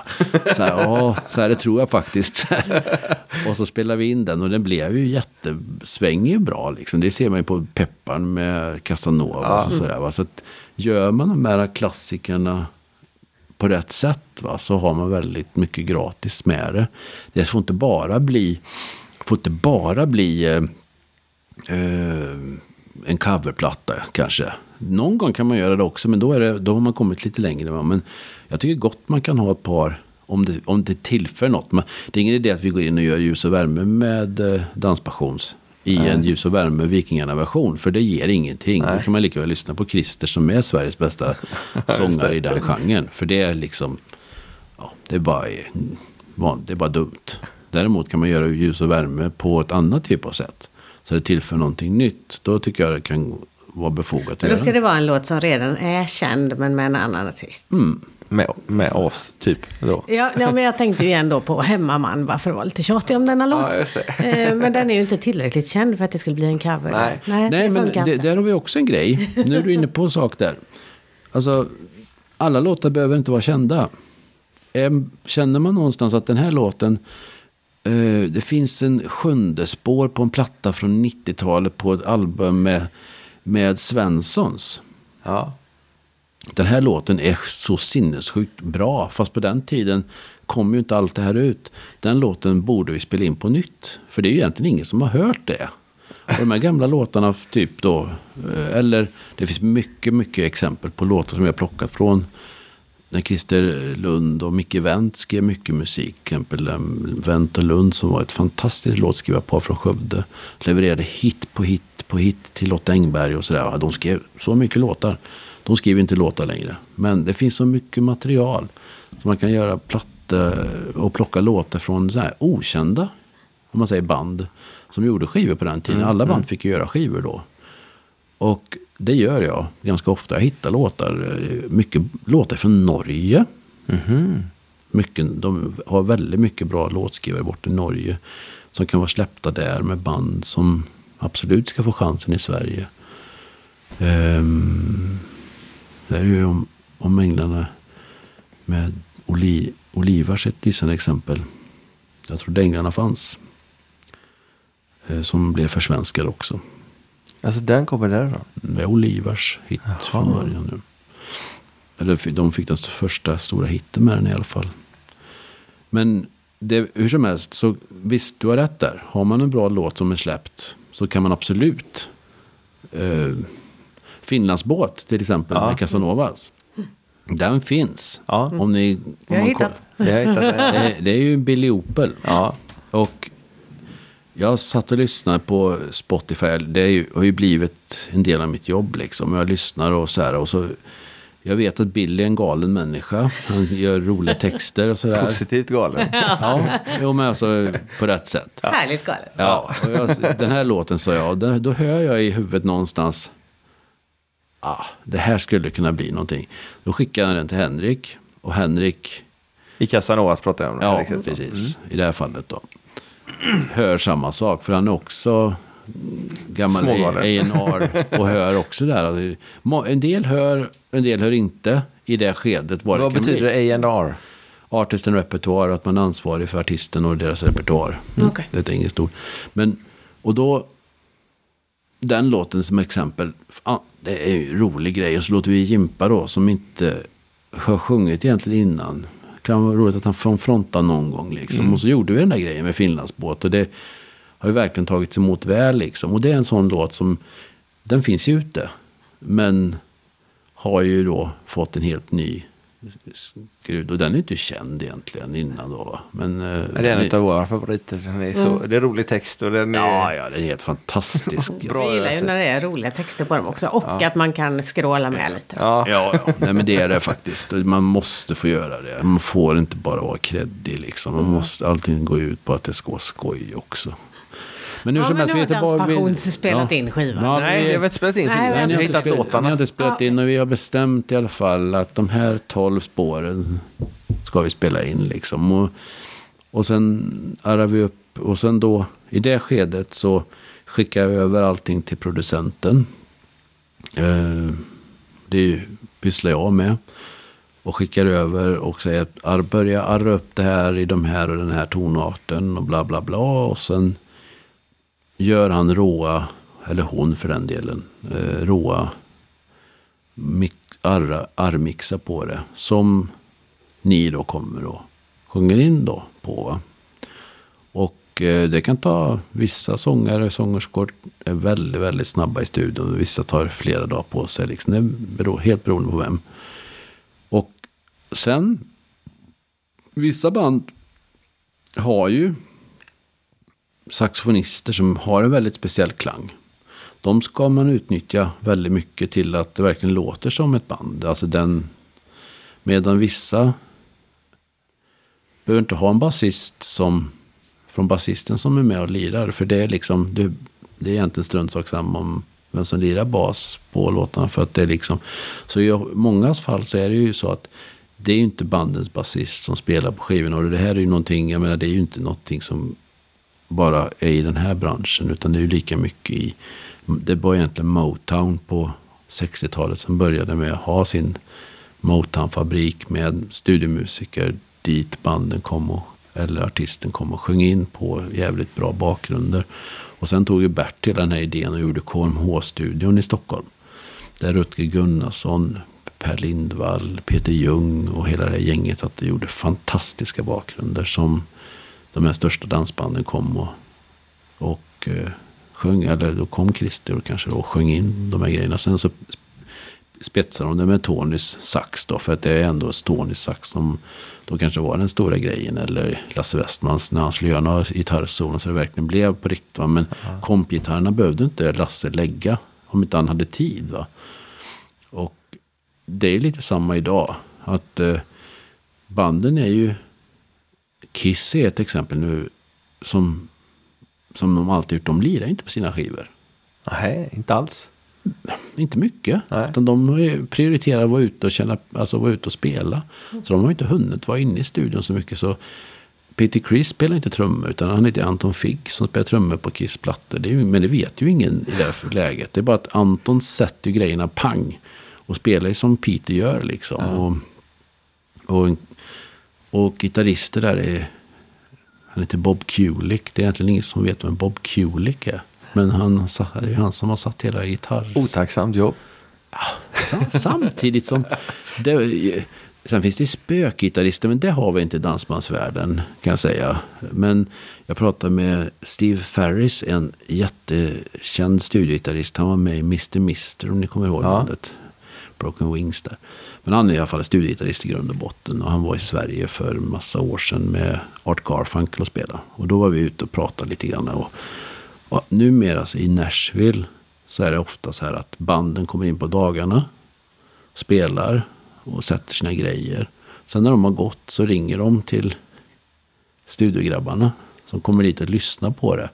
Och sätter det på en tagning. Så mm. slipper producenterna sitta och klippa i det här äh, materialet. För att många av de här musikerna som lirar är jävligt duktiga att spela live. Det är inget snack om det, men det är en skillnad på studiemusiker och livemusiker. Då kommer de här grabbarna och sätter grejerna direkt liksom på natten för att spara tid. Och eh, nu är det inte så i här, för vi har inte riktigt råd att ha nattmusiker på skivorna. Men vissa grejer som Danspassions spelar in, eller på plattan, det liras in av studiomusiker. Trummor, samma sak. Det är inte alla band. Många band har ju egna trummisar också, men långt ifrån alla. Det sätter sig och det finns några riktigt bra studiotrummisar som spelar in. För det är samma sak där. De, de sätter det på en tagning. Pang, bom, puff. Så sitter det grejerna där. Va? Så, och det är rätt. Skickliga musiker man tror. Ja, ja visst, det är sanslöst bra. Sen har vi Stefan Jonsson, eh, gitarrist, fantastisk gitarrist som har det här Dire Straits tributbandet och Queen tributbandet som han är ute med mycket. Eh, han, eh, han spelar på enormt mycket, mycket kompgitarrer och sätter grymma grejer. Alltså. Han är, Stefan är ju, skickar man grejerna till honom så kommer det tillbaka och så kommer det ett paket och det låter perfekt. Liksom. Och, och sen så kommer då banden och lägger de grejerna för att man ska få den profilen. För att det verkligen låter som bandet ska göra. För det, det får man inte glömma av. Det får inte bli mainstream heller. Nej, nej. Utan det, man måste Men sen får det inte vara för galet heller, utan det ska kunna spelas på en scen. Ja, det är exakt. Nej, men så att eh, ofta så här så är det en liten kombo. Många instrument går aldrig att få eh, liksom, utan dragspel till exempel. Om Donne spelar in en ny skiva, det är klart så fan att Donne spelar dragspel. Ja. Annars skulle det bli väldigt konstigt. Eller eh, saxofon. lite signaturmelodi Ja, för men dem, väl? överhuvudtaget. liksom, Det är självklart på något sätt att de här banden som har ehm, som har sina eh, saxkillar eller dragspel eller ja, när de lirar piano, boogiepiano och så vidare. Det är klart att det är dem. Liksom. Men grundarna i bak behöver inte alltid vara dem. Och så kommer ni i alla fall dit i ert band och sjunger in och lägger på. Sen så har producenten börjat mixa och sen skickar han, börjar han skicka mixar till mig. Och jag tycker till och så skickar jag till er. Vad säger ni? Eh, sådär va. Men i det läget så är det väldigt viktigt att banden faktiskt lyssnar på mig också. Att man har en väldigt bra, ett väldigt bra snack sinsemellan. Eh, och det, oftast är det, jag säga. Det är inte alltid. Men oftast går det väldigt bra. Och sen hittar man då fram till slut till, till ett bra sound och som alla är nöjda med. Och sen så väljer man ut singlar och så på den vägen är det då. Då börjar man släppa singlar, eller? Ja, numera är det det. Numera så är det ju, eftersom Spotify har blivit en sån stor spelare i det här, så är det viktigt att få ut singlar. Eh, så folk får höra låtarna innan plattan kommer. Och när väl en skiva är ute, man får välja en låt och fokusera på på ett album. Eh, och som hamnar på spellistor och sånt va. Och spellistor är så enormt viktigt idag. Så att har du inte spellistorna med dig, liksom du ligger på dem så du kan kolla på vilket album som helst och det gäller inte bara dansband. Utan det gäller all musik. Att sådana låtar som inte har legat på spellistor. De har ofta 25% så mycket streams som de låtarna som har varit singlar. För att folk är så spellistefokuserade idag så de, de, jag är inte sån själv, för jag, är liksom, jag gillar att lyssna på album fortfarande. Va? Men många är så här, de sätter på sin lista och så låter de den gå. Och sen låter de Spotifys algoritmer sköta ja, musiken då. Va? Vilket gör att släpper du platta och inte har haft ute några singlar. Så eh, då har ju 11 låtar inte en chans att höras. Nej. Eller de har ju chans men ingen lyssnar på det på det sättet då va. Så jag försöker faktiskt numera göra fem singlar innan ett album. För att då får man ju fem släpp. Liksom att det kommer det komma ut fem låtar innan som folk då kan anamma. Och sen vid sjätte låten då kommer plattan liksom. Och då får man välja ut den låten som ska dra skivan då i. För man kommer in på vissa, det, det är för komplicerat så jag inte. Lä- Lägger man, lägger man den som man tror är bäst på någon viss placering i, eh, i sitt Det album? där är en konst. Det är det? Ja, absolut. Det är en jättekonst det där. Ehm, För det, den brukar inte vara först. nej, den är fyra ofta. Ja. Är det du då som väljer ut vilken? Ja, ofta är alltså i- ko- koppla skivor som det heter. Alltså att man sätter ihop en låtordning. Det kan jag faktiskt säga utan att skryta. Jag är duktig på. Efter alla samlingar jag har gjort i alla år och sånt där. Att jag hör, det ska vara tonarter, det ska vara tempon och det ska vara, ska flyta på bra. Och man kan tänka sig så här att det är ungefär som när vi var små och gick in och provlyssnade på en skiva i skivaffären. Första låten ska fånga upp, liksom, oj, det här är bra. Det ska vara en bra startlåt. Andra låten ska också vara stark liksom. Men behöver inte vara riktigt lika som den första som fick igång dig. Men fortfarande, oj, det här är en, en bra skiva liksom. Sen tredje låten får gärna vara en ballad, lite lugnare kanske så här. Och sen fjärde låten, pang! Då går du hem och då, har du köpt, kö, går du, då går du till kassan och köper skivan. Det. det är där den är pang. Så det är liksom första låten jättebra. Andra låten, mm, det här var en bra skiva. Tredje låten, ja, en ballad, okej liksom. Och sen bara schmack på fjärde låten. Och sen så är det klart. Men, men alla, alla skivor som eh, Attention Records nu då är med och producerar eller Japp. ställer fram. De görs inte i fysiska skivor, eller? I, vi har rätt många band nu som bara har gjort singlar hittills. Plus att vi samarbetar. Men det är skivor vi pratar? Nej. Eller singlar på Spotify? singlar på Spotify. Ja. Eh, vi samarbetar med en hel del band som vi inte har skrivit rena odlade kontrakt med. Men som vi har tajt samarbete med. Där vi har ett samarbete som säger att den dagen vi känner för det så skriver vi kontrakt. Liksom, och att det blir ett signat Atensia-band. Ett exempel är, de är ju härifrån Vadstena. Det är ju X-Blaze. Mm. Som jag från början hörde via Henrik Setson då. Som sa att eh, det här är bra band liksom. Och X-Blaze, trevliga snubbar dessutom. Jag, jag vill inte jobba med massa tjatmumrikar liksom. För mitt liv är för kort för det. Jag, det kan jag säga från början att blir det tjatigt då skiter jag i det heller. Då kan jag, då kan jag göra någonting annat. Och med tjatigt menar du omständigt, inte bara mycket prat. Nej, nej exakt. Omständigt och man får frågor så här. Och det här gäller inte nu utan det gäller, har gällt i alla tider. Liksom. Ah, varför finns inte min skiva på Coop eller Ja, Statoil? Eh, ja, jag ringde faktiskt och sa nej, jag vill inte sälja din skiva. Idiot, vad tror du? alltså, man kan ställa det på olika... eh, Ja, Det är lite samma sak nu. Man... Ja, varför är inte min låt med på den spellistan? Nej, jag har inte försökt, förstår du. Det är klart jag har försökt. Vad, vad tror du? Jag är lika frustrerad jag va. Men och de flesta är ju förstående och fattar ju att man jobbar. Va? Men de här som inte är det. Men ett samarbete där, man, där artisten inte riktigt är signad då. Ja, Hur går det till? Vem vinner på det och hur? Hur tjänar då? ni pengar? Ja. Ja de betalar med svart. Ja, det är så hela tiden. Alltid. Nej då. Det där var Porschen som står på utsidan. Precis, på Porsche som står där. Med, nej då. Jag hittar ingen. inte jag. Såg inte ens en Inte bil. jag heller. Nej men seriöst Jag så. hit. så precis, jag fick cykla från Falköping. Nej men i X-Plays fall, om vi nu ska gå in på ett band som någonstans jag ser en potential i.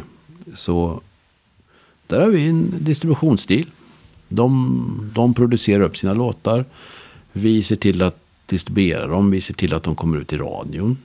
Vi ser till, i det här fallet så A&amppr jag dem ganska mycket med eh, omslag. Jag kommer med tips på låtar. Som Do You Want Me till exempel, då är min idé. Den sista singeln de har släppt då. Eh, så de har jag ett tajt samarbete med. Och då tar vi en ganska bra procent från dem för det samarbetet liksom. Fast Men det är procent, det är inte liksom att jag betalade x antal Nej, nej, tusenlappar. nej, nej. Nej. Vi får en procent ut efter hur mycket streams det blir. Liksom. Ja, okej. Och, eh, och sen har vi en deal där liksom sagt att ja, men nu kör vi. Nu kör vi på ett album. Nu blir det, nu blir det ett eh, skivkontrakt utav det här. Och det har blivit en lyckad typ av, samma, typ av samarbete som jag har likes. Som jag någonstans, vi får se vad som händer nu när de byter. Byter till sångerska. Ja, Mm. men det är också trevliga killar. Mm. Mycket. proffsiga liksom. Verkligen. Eh, Det är därför jag jobbar med dem. För jag tycker om deras attityd. Och jag och Ulf har en väldigt bra dialog där och snackar låtar. Och, ehm, han, han, han vill ha mycket feedback och sånt där. Och, och så vidare. Jag tycker om det. Vi diskuterar mycket och sådär. Och, nej, men jag har några sådana band till. Som ett band som jag tycker om väldigt mycket personligen. Som jag tror kan bli jättestora. Det är Blixters. Mhm. Om ni vet vilka det är. Nej. Jag har sett loggan men inte, Nej. inte det. Det är ett sånt där band och Henriks återigen sett som, nu vi, som vi var och kollade på igår nu då. Som producerar. Som är lite mer refreshments goes. Jaha. Som är skitbra. Verkligen jätte, jättebra i sin genre. Lite mera rockabilly. Välproddad. Goes dansband. Okej. Eh, vi har bara släppt några singlar och det är samma sak. Det är också ett här utvecklingsband. Som jag har på den. Men vi jobbar jättemycket med dem. För jag vet att. Och det har faktiskt funkat. Om ni kollar streamsen på ett sånt band. Så har folk hittat dem. Ja. Eh, Det har de ju X-Plays också gjort. Liksom. Så att nu är vi. Så vi jobbar upp de här banden successivt. Och, och eh, det finns fler sådana.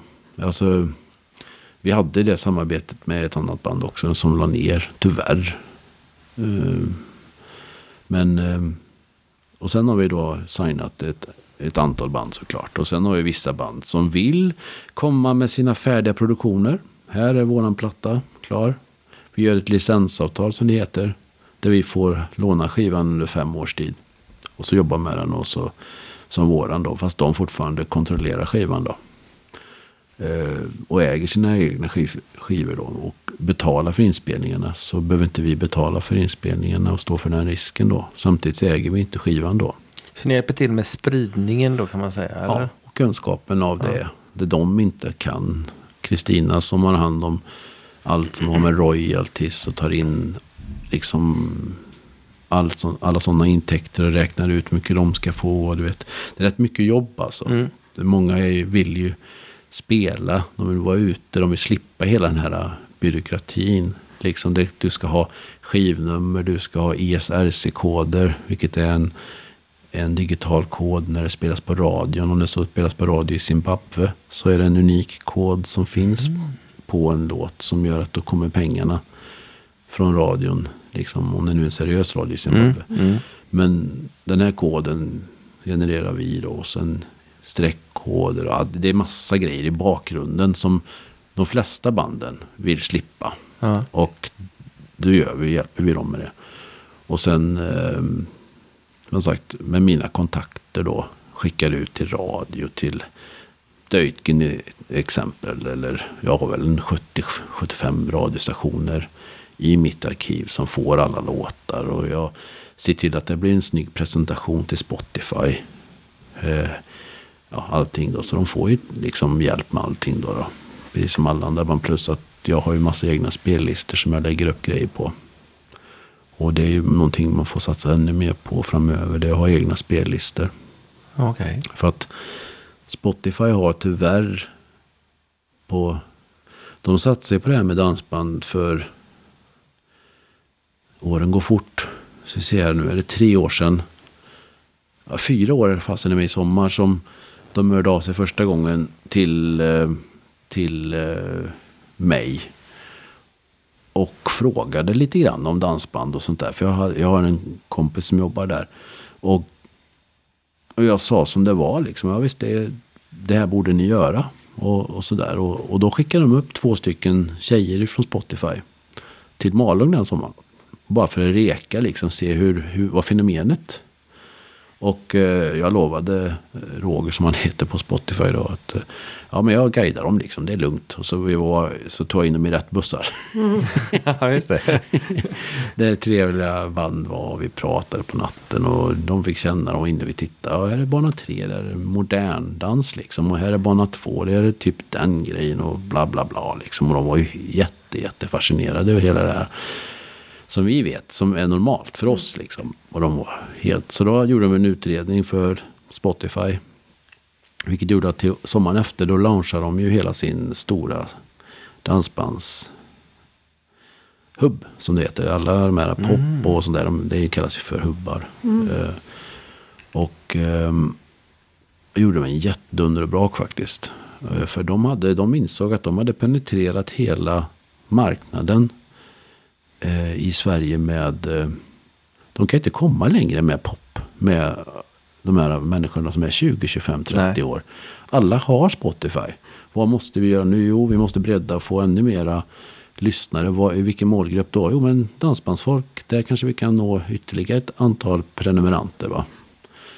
Och de visade sig att de hade ju rätt.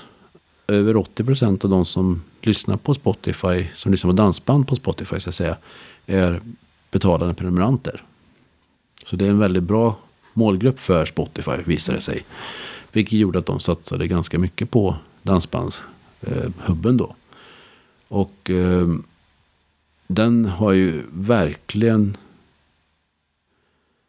blivit en räddning kan man ju säga för, för hela våran bransch. Då. Att det är ju där vi har kunnat skapa de här nya hitsen. Vi har kunnat skapa eh, tajta ins med Sannex. Vi har kunnat skapa eh, kaffemassarin med Perikles. Vi har kunnat skapa eh, när jag åker Finlandsbåt nu som vi pratade om. Men man har kunnat skapa, när till och med Voice, kan, eller till och med, ursäkta nu, jag menar inte så, men när mindre band som Voice eller för en del X-Place kan få bugghits Ja. faktiskt som folk har en möjlighet att hitta. Det är ju faktiskt fantastiskt. Och det är enbart tack vare Spotify Ja, för folk hade väl förmodligen inte köpt All- en skiva där. Aldrig. Nej. Och det kan jag säga att där har vi Spotify. Tackar vi jättemycket. Nu är tyvärr det lite problemet med Spotify är att de går mer och mer åt autogenererade listor. Ja. Eh, och det är inte bara i vår genre utan det är alla genrer. Så att ehm, de specialsyr deras otroligt komplexa datasystem. Specialsyr listor som gör att de vill att du ska lyssna på. Alltså du, på morgonen när du vaknar så får du daily Ja, just det. bla bla bla. Ja. Och sen så får du liksom fem olika val. Ja, ja fasen jag känner för att lyssna på min dansband idag. Och då kommer du, eller också kanske du känner att, åh jag tycker, jag vet inte vilket är ditt favoritband. Nej, jag har så många. Så Ja, att säg det- något. Ja, exempelvis Casanovas Ja. Blender. Och sätter man på Casanovas spellista då, alltså som heter Casanovas, då kommer de var femte låt.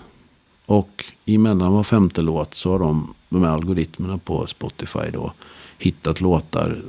De som har lyssnat på Casanovas har även lyssnat på så, så gör de i ordning en perfekt spellista, vilket gör att du inte det är ungefär här vattenkranen återigen. De vill inte att folk ska hoppa ur Spotify. Fast de lyckas väldigt olika bra. Vissa Ja. dagar så blir det skitbra kombinationer. Jo, men vet och man vad det- vet vad det hittar nya på? Mm. låtar man aldrig har hört förut. Och vissa dagar är det sådär som, men vad är det här? Ja, och de har ju olika. De har ju en Discover Weekly.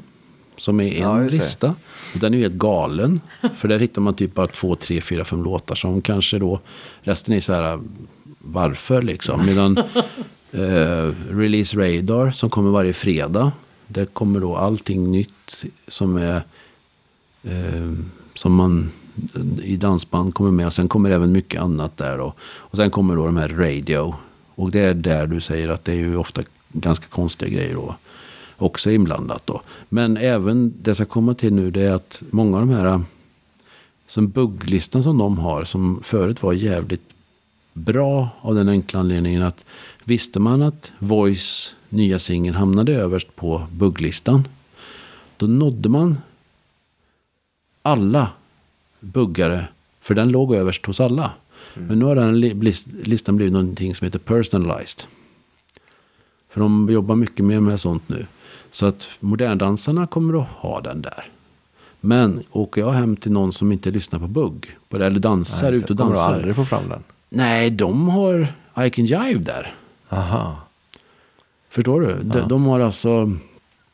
De, då får man upp I Can Jive. Man får upp I natt, i natt. Eh, Inget stoppar oss nu. Man får upp, du vet de här stora hitsen. Ja, ja. Du får aldrig upp de här nya låtarna då. Medan på för det är skitsvårt att breaka nya grejer mot vad det var för bara ett år sedan. För då hade de inte det. För då visste man att man låg där. Har du pratat med Spotify om detta? Mm. Vad säger de? Nej men de, de ser ju användarvänlighet hela tiden. Att de är som, ja bugg. Jag gillar nog buggmusik, säger Göran Svensson i eh, Tomelilla liksom. Och så går han in på bugg och han har ju aldrig hört talas om Blender och Expanders och Casanovas och Voice och Sunnex. Då skulle han ju hoppa ur där. Men för han är ju bugg, det är ju liksom eh, eh, leende guldbruna ögon och, och så vidare liksom för honom då. Och då får han ju lista som passar honom bra. Däremot hade Spotifys smarta system då sett att den här Göran Svensson, han har ju faktiskt lyssnat lite på den och den och den och den grejen. Liksom. Då hade de ju slängts in i hans system och då hade han ju varit nöjd med sin lista. Ja, det. Och det är där de eftersträvar mer och mer. Ja, okej. Att komma åt eh, lyssnar... Eh, ja. Och det, det är lite synd på ett sätt. För man... Man breakar inte lika mycket grejer lika lätt längre. Vi har fakt- faktiskt hört ehm, likes på uh, buggtävlingar. Mm. Och det hade kanske inte kommit fram exempelvis Nej, om de inte hade, det hade inte gjort. Spotify. Nej. Men Och- Spotify är ett komplement till skivorna. Eller rättare sagt, det är primärt nu. Ja, Istället är det. för skivorna. För, viss, för modernbanden är det ju det primära. Ja. Där kommer ju skivan och är sekundär helt och hållet. Eh, För många mogenband är fortfarande skivan primär. Mm. De säljer fortfarande plattor ute, det gör de. Sen de banden som... Det finns ju vissa band som spelar på för sittande publik. och artister inte minst. Ehm, De säljer ju otroligt mycket skivor. För sittande publik köper fortfarande skivor. Eh, Ett lysande exempel är lilla älskade Mona G. Som vi har på Atensia då. Hon spelar ju mycket för sittande publik och åker ut och kör själv och sådär va. Hon säljer jätte, jättemycket skivor. Men Hon stannar kvar efteråt och kramar alla och skriver lite signaturer och sånt där. va. Och det, Man missar ju lite grann med konvolut och texter ja, och sånt där. man man inte har... Och vissa band är mycket bättre på det där än andra band också. Mm. Ehm, Så att eh, så det, det har blivit en kombination. Men alltså det, det är så löjliga antal skivor idag mot vad det har varit. Men däremot, jag menar, som Casanovas fall, de har 10 miljoner streams på ett år. 10 miljoner pers, eller 10 miljoner gånger har folk streamat deras låtar på ett år. Det är rätt mycket faktiskt. Ja. Det räknas ju som 1465 streams räknas som ett album. I, när man räknar liksom inför en guldskiva till exempel. Då. Ja, för nu räknas det inte på sålda skivor utan nu räknas det på streams. Både och. Alltså det är både och. Ja, det gör det. Så att eh, guldsingel idag är 4 miljoner streams. Så har du streamat 4 miljoner så får du en guldsingel då. Dit har vi en bit Det- kvar Ja, med vår eftersom, podd. jag tänkte säga med danspassion. Danspassions ska dit. Vi ska göra en singel så ska ni se att vi ska streama den. Nej, Ja men kan dansbandsidan.com så kan väl vi. Ja, Christian har ju spelat in skiva också. Precis. Precis. Så, Nej, men, ja. nej, men allvarligt talat så där har ni lite hur det går till i alla fall. um, av det där. Och, men visst är, det, visst är det otroligt viktigt med Spotify. Och de har liten... ehm, ibland kan man tycka nästan för stor makt. Mm. Ehm, ehm, Jag, jag har oerhört mycket att tacka Spotify. Utan Spotify hade inte Attensia funnits idag. Och eh, vi bygger upp egna spellistor och vi får folk att följa. Men vi har en lista som heter Dansbandsbugg. Och den har ju lite över 8 500 följare. Och den uppdaterar jag ju varje vecka med nya låtar och låter den vara levande. Va? Och den listan satsar jag ganska mycket pengar på att marknadsföra. För att nu är det 8 500 som följer den och jag lägger upp nya låtar. Ett exempel är ju Ankis. Ni vet vilka Ankis Mm, är. mm. Det är ett nytt band Vi har inte pratat kommer. med dem Nej. men... Mm. Eh, och deras nya låt är faktiskt jäkla bra dans. Bugglåt. Återigen, nu pratar vi, kom in på Henrik hela tiden med det sätt som... som Han är ju och pillar överallt. Ja, men... Ja, Så säger han jätteduktig. han, är, han har ett flow, Henrik. Och, men den här låten, liksom, Henrik, vi har ju ett tajt samarbete. Han sa att det här ska du faktiskt jobba med. Och, och, så, ringer, och så skickar han det. Och, sen, och det låter för jäkla bra. Då kan ju inte jag inte jobba med det. Utan då pratar jag med bandet och så gör vi den här typen som jag precis pratade om. Då. Ja. Och den låten är en sån låt att jag vet att om den kommer att spelas. Så kommer folk att gilla den. Det är en jäkligt bra bugglåt liksom. Och hade det varit för ett år sedan och den hade kommit in på den här bugg, Buggaloss då. Som den listan heter som Spotify har. Och verkligen hamnat hos alla. Då hade, då hade den börjat rulla på och blivit en stor eh, bugghit liksom. Men nu är vi inte där. Utan nu är ju de här personliga listorna på ett helt annat sätt. Och därför är egna listor mycket viktigare nu. Nu kan jag pusha upp, lägga Ankis topp 5 på Ja, min lista. Va? Och den här dansbandsbugg då. Det är ju få folk att lära sig att det är den listan som gäller om du ska göra ny bra buggmusik då. Och det är så ju alla som Sony till exempel. De har ju sitt, deras, eller deras eh, spellista, de heter Filter. F-I-L-T-R Filter. Mhm.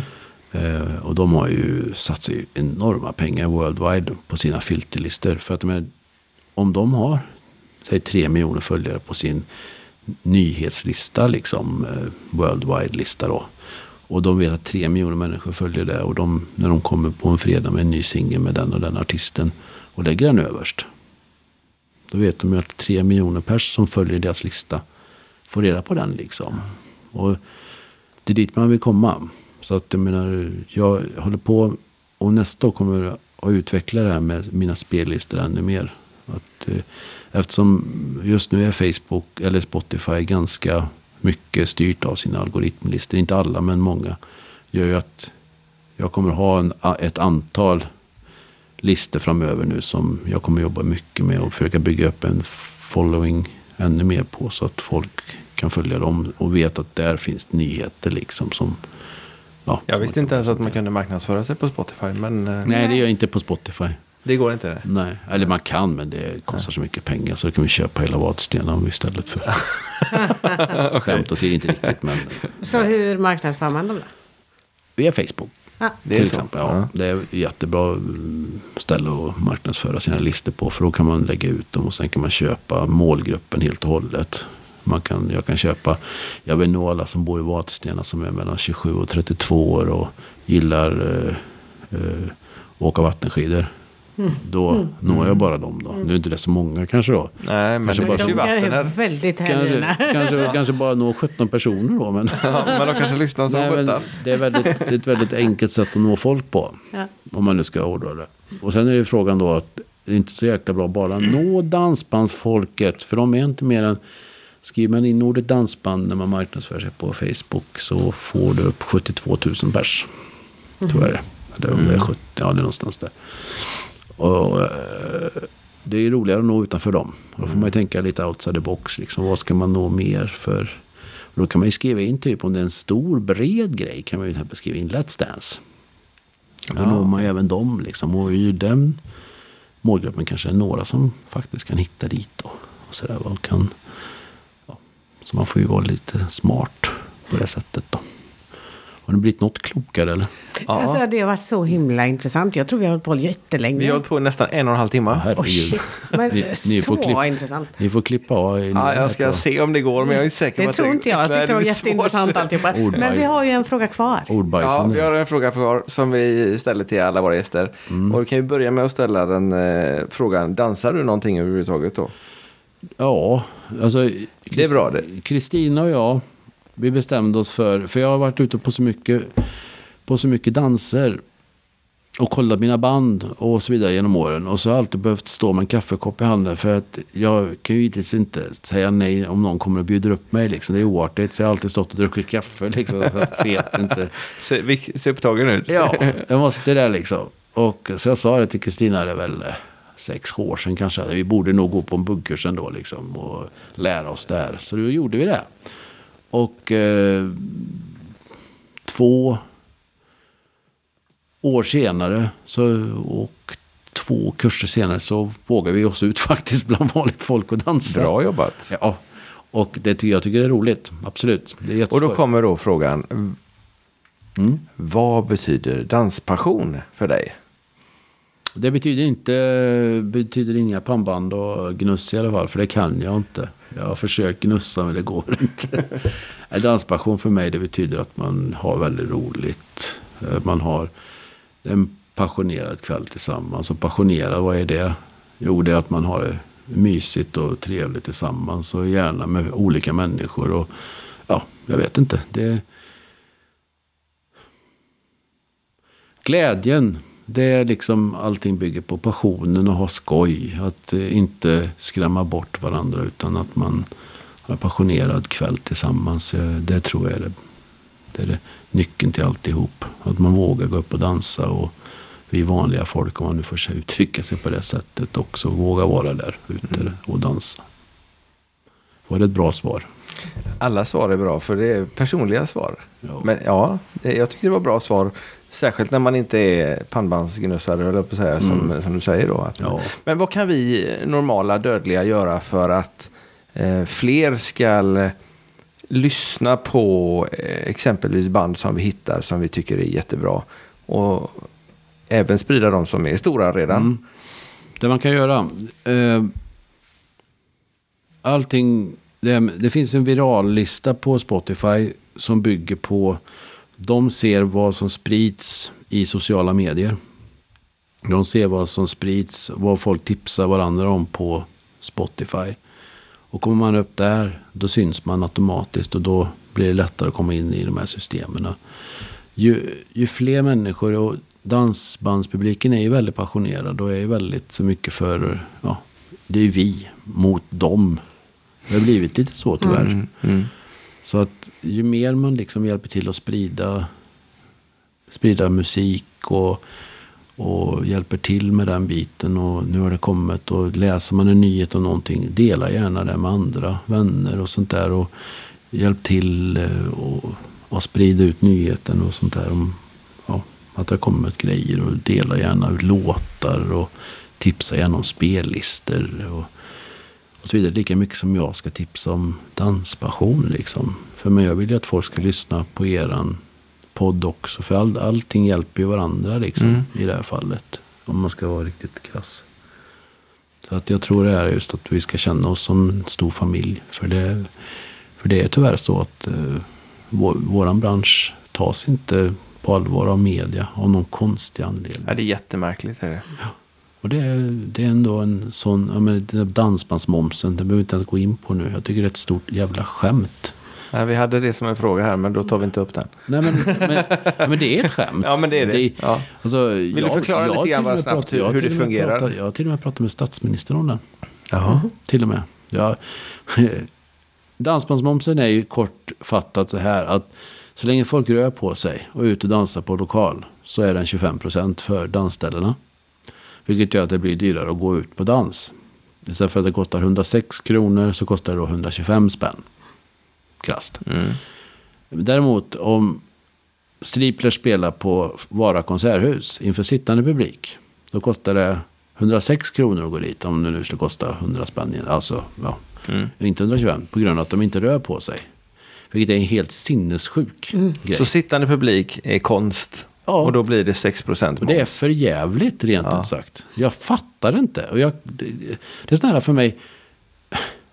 Det är mycket så här. Visst man kan gå och bli förbannad och tänka på. Men det här är så oerhört korkat. Så jag, Ja, det är friskvård dessutom. ja, ja, allt. Jag, Ja. jag förstår det inte. Vad Men det, vad det, härstammar ju någon, det, det härstammar ju någonstans tror jag ifrån att de tänker på stadshotell ifrån 80-talet. Liksom, när Mm. Ja. folk satt och... Det kan ju inte vara 6% på någonting när folk går ut och ja, du vet, dricker Nej, öl. Liksom. Jag tror det kommer därifrån alltså. Och det är fortfarande kvar. Och jag, det är för mig en gåta. Däremot Benny Andersson, inget ont om honom. Han är ju Sveriges bästa låtskrivare och genom tiderna. Bau, Ja. de har 6%. Även om folk dansar. Ja, ja, de åker inte ut på regelrätta dansbandsturnéer eller dansturnéer. Utan de har konserter. Och då är det 6 procent. Ja. Ja, knepigt. Ja, jag, jag märktes. förstår inte. Och jag pratade med, när jag pratade med Löfven. Jag ringde in till Ring P1. När inför valet i år. Liksom. Ja. Det är klart att han inte, kan inte vara insatt i alla Nej, grejer. nej. Liksom. Han kan inte vara insatt i dimensionerna mellan två vagnshjul på en bil heller. Liksom. Men jag bara frågar honom. Jag förstår att inte du är insatt nu Stefan i det här med dansbandsmoms. Så här. Men vad tycker du är rimligt, sa jag. Svara nu bara liksom. Om folk rör på sig på en konsert, varför ska det vara 25 procent? Jag tänkte jag ställer frågan så. Ja, just det. Vad liksom rimligt? Ja. Ja, då var han ju den här perfekta politikern. För han började prata om Han att barn, annat. ja, barnen behöver eh, mera timmar i skolan för att få bättre matte. Kommer han in på. Ja, okej. Liksom. Med andra ord, helt yxskaft. Fullständigt. Eh, Ja, istället för att kunna åtminstone säga. Ja, det låter ju väldigt märkligt. Det kan jag kolla. Det, det låter konstigt. Personligen tycker jag det låter konstigt. Mm. Men det- så kan inte, tydligen inte en politiker säga. Men visst är det märkligt? Ja, Det är väldigt märkligt. Vi, vi är flera stycken som har eh, diskuterat det med, bland annat Thomas Deutgen hade vi uppe det Ja. i början. Och eh, Men han tycker det ska vara så. nej, inte han heller. inte han heller. Och nu sitter vi i Vadstena fortfarande Amen. eh, på hotellet. Amen. Och eh, jag håller en skiva i handen som vi fick igår. Som Attentia Records givetvis har gjort. Ja. Precis. Och skivan är ju CD. såklart...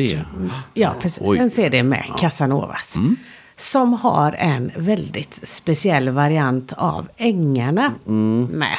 Eh, och den här låten kommer ju då släppas eh, för alla eh, i samband med nästan men när det här avsnittet släpps. För det här släpps på nyårsaftons morgon. Då har den varit släppt några dagar. Då har den varit släppt några dagar. Kan inte du berätta om Släpper den? det den 27. Så den har varit ute några dagar när ni har hört det här programmet. Eller när ni sitter och lyssnar på oss nu och dricker champagne. Eh, nej men Ängarna är ju en fantastisk låt i sig själv måste jag säga. Det är en oerhört fin text som Henrik har skrivit. Eh, om, Bra dansat till också. Ja, det kanske den är. Mm. Ja. ja, men det är, den är en jättefin låt. Och det, det, den av någon anledning tog inte P4 in. Okej. I, eh, vilket jag, det, Ja. det var det mest öppna målet jag har haft, sa jag till Henrik någon gång när vi presenterade. Men den kom aldrig in. Eh, hur som helst. Det finns på originalversionen, om ni lyssnar så det- finns det snygga st- stråkar på den också. Den är oerhört, och vi, vi har hittat en kille, en arrangör av stråkar eh, bort i USA. Eh, och vi bad honom att arrangera upp en version med en, sin, sin, en stråkversion då. Han har inte en hel symfoniorkester tillgänglig men han har ett visst antal och, och, och arrangerat upp en fantastisk, vi kände den här låten, nu ger vi fansen en, tack för i år. Jag menar, de, de har kommit över 10 miljoner streams för första gången i historien och, och ja, nu visar vi skåp, var skåpet ska stå. Det kan säga, den där versionen som han skickade tillbaka från USA, de, det arrangemanget är helt magnifikt. Och sen har Henrik då lagt på sång på den här i Sverige. Så att har ni inte lyssnat på den så gör ni det nu när vi stänger av programmet här. För att Vi var ute i bilen och lyssnade på den. Så varken du eller vi hade hört den. Det är så- jag var livrädd för att det var fel, att det hade blivit fel på skivan. Eller att den gamla versionen låg där eller någonting. För den här är så sprojlans ny så att... Nej men den 27 släpps den som sagt. Samma dag som vi släpper en ny låt med Donnes. Ah, Spännande. Där Jenny Silver och Donnes gör en duett. ja, kul. En gammal eh, med värme och iskall champagne. Där har du så här igen. En gammal Ja. bra låt som eh, vi har plockat upp. En Göran Ringbom, kommer du ihåg han? Ja. Gotlän, gotlänningen. Ja. Eh, en, hans gamla hits. Vi lägger längre till de två också. Det gör vi absolut. Eh, och, den, fall, och där är Jenny med. Det är roligt att hon är tillbaks. Tycker jag. Hon eh, behövs. Som eh, hennes röst saknas i den här branschen tycker jag. Och det är roligt att hon är med. Sen släpper vi även en ny Perikles-låt. Ja. Samma dag. En riktig bugge. Rökare. Som eh, 112 heter den. Okej. kommer bli en sån här ny Massarin-låt tror jag faktiskt. Den känns, känns till och med i mina dansben som ja, att det kommer bli bra. Kul. Så det är en bra, det är en bra releasedag. Ja. 27. Det kommer tre bra grejer då. Vi lägger självklart länkar till allihopa. Det gör vi. Absolut. Ja, Vi får tacka dig så jättemycket för att du... ja eh, ursäkta kom- jag tar upp så här mycket tid. Var- Vi tycker att det varit superintressant hela vägen. Så att Ja. det är därför du har fått prata själv. Får vi se om några av lyssnarna tycker det. Eller om det blir det minst lyssnade programmet i Danspassionshistoria. Det tror inte jag att det gör. För jag tror att många eh, som vi var nyfikna på vad ett skivbolag faktiskt håller på med. Ja. Ja, har ni fått några svar då? Ja men absolut. Vi hörde till och med när vi satt och åt frukost att det var vissa som diskuterade CDns framtid och så vidare. Ja. Så att, eh, jo då, jag tror att det Ja, finns en och annan. sk- skivan tror jag, den är inte död. Nej. Den kommer finnas på den nivån den är nu ganska länge. Mm. För det finns folk som vill ha skivor. Och eh, för avslutningsvis kan vi väl bara säga att vi har ju släppt en, det var den du var inne på nu, den här julskivan som vi har släppt. Som du upptäckte att oj, det finns visst skivbolag här. Nej, men på den skivan i år eh, tänkte jag, ja, men vi gör så, för det finns rätt mycket låtar som inte finns på skiva. Som vi bara släppt som julsinglar liksom, digitalt. Så vi, släpper, vi samlar ihop dem och släpper på en fysiskt album. Eh, så de som vill ha en skiva faktiskt kan få möjlighet att lyssna på dem på en skiva. Så att hälften av låtarna på den skivan är ju sådana låtar som inte finns ute på, på CD sen innan då. Mm.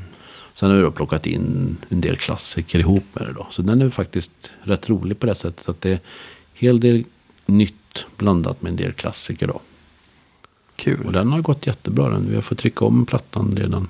Så att det, den har sålt riktigt bra. Jag tror att vi kommer att återkomma till den typen av samlingar framöver. Att vi gör en samling nästa sommar. Säkert med många av de här banden som jag, vi har pratat om nu. Som bara släpper singlar. Ja. Att vi samlar ihop dem.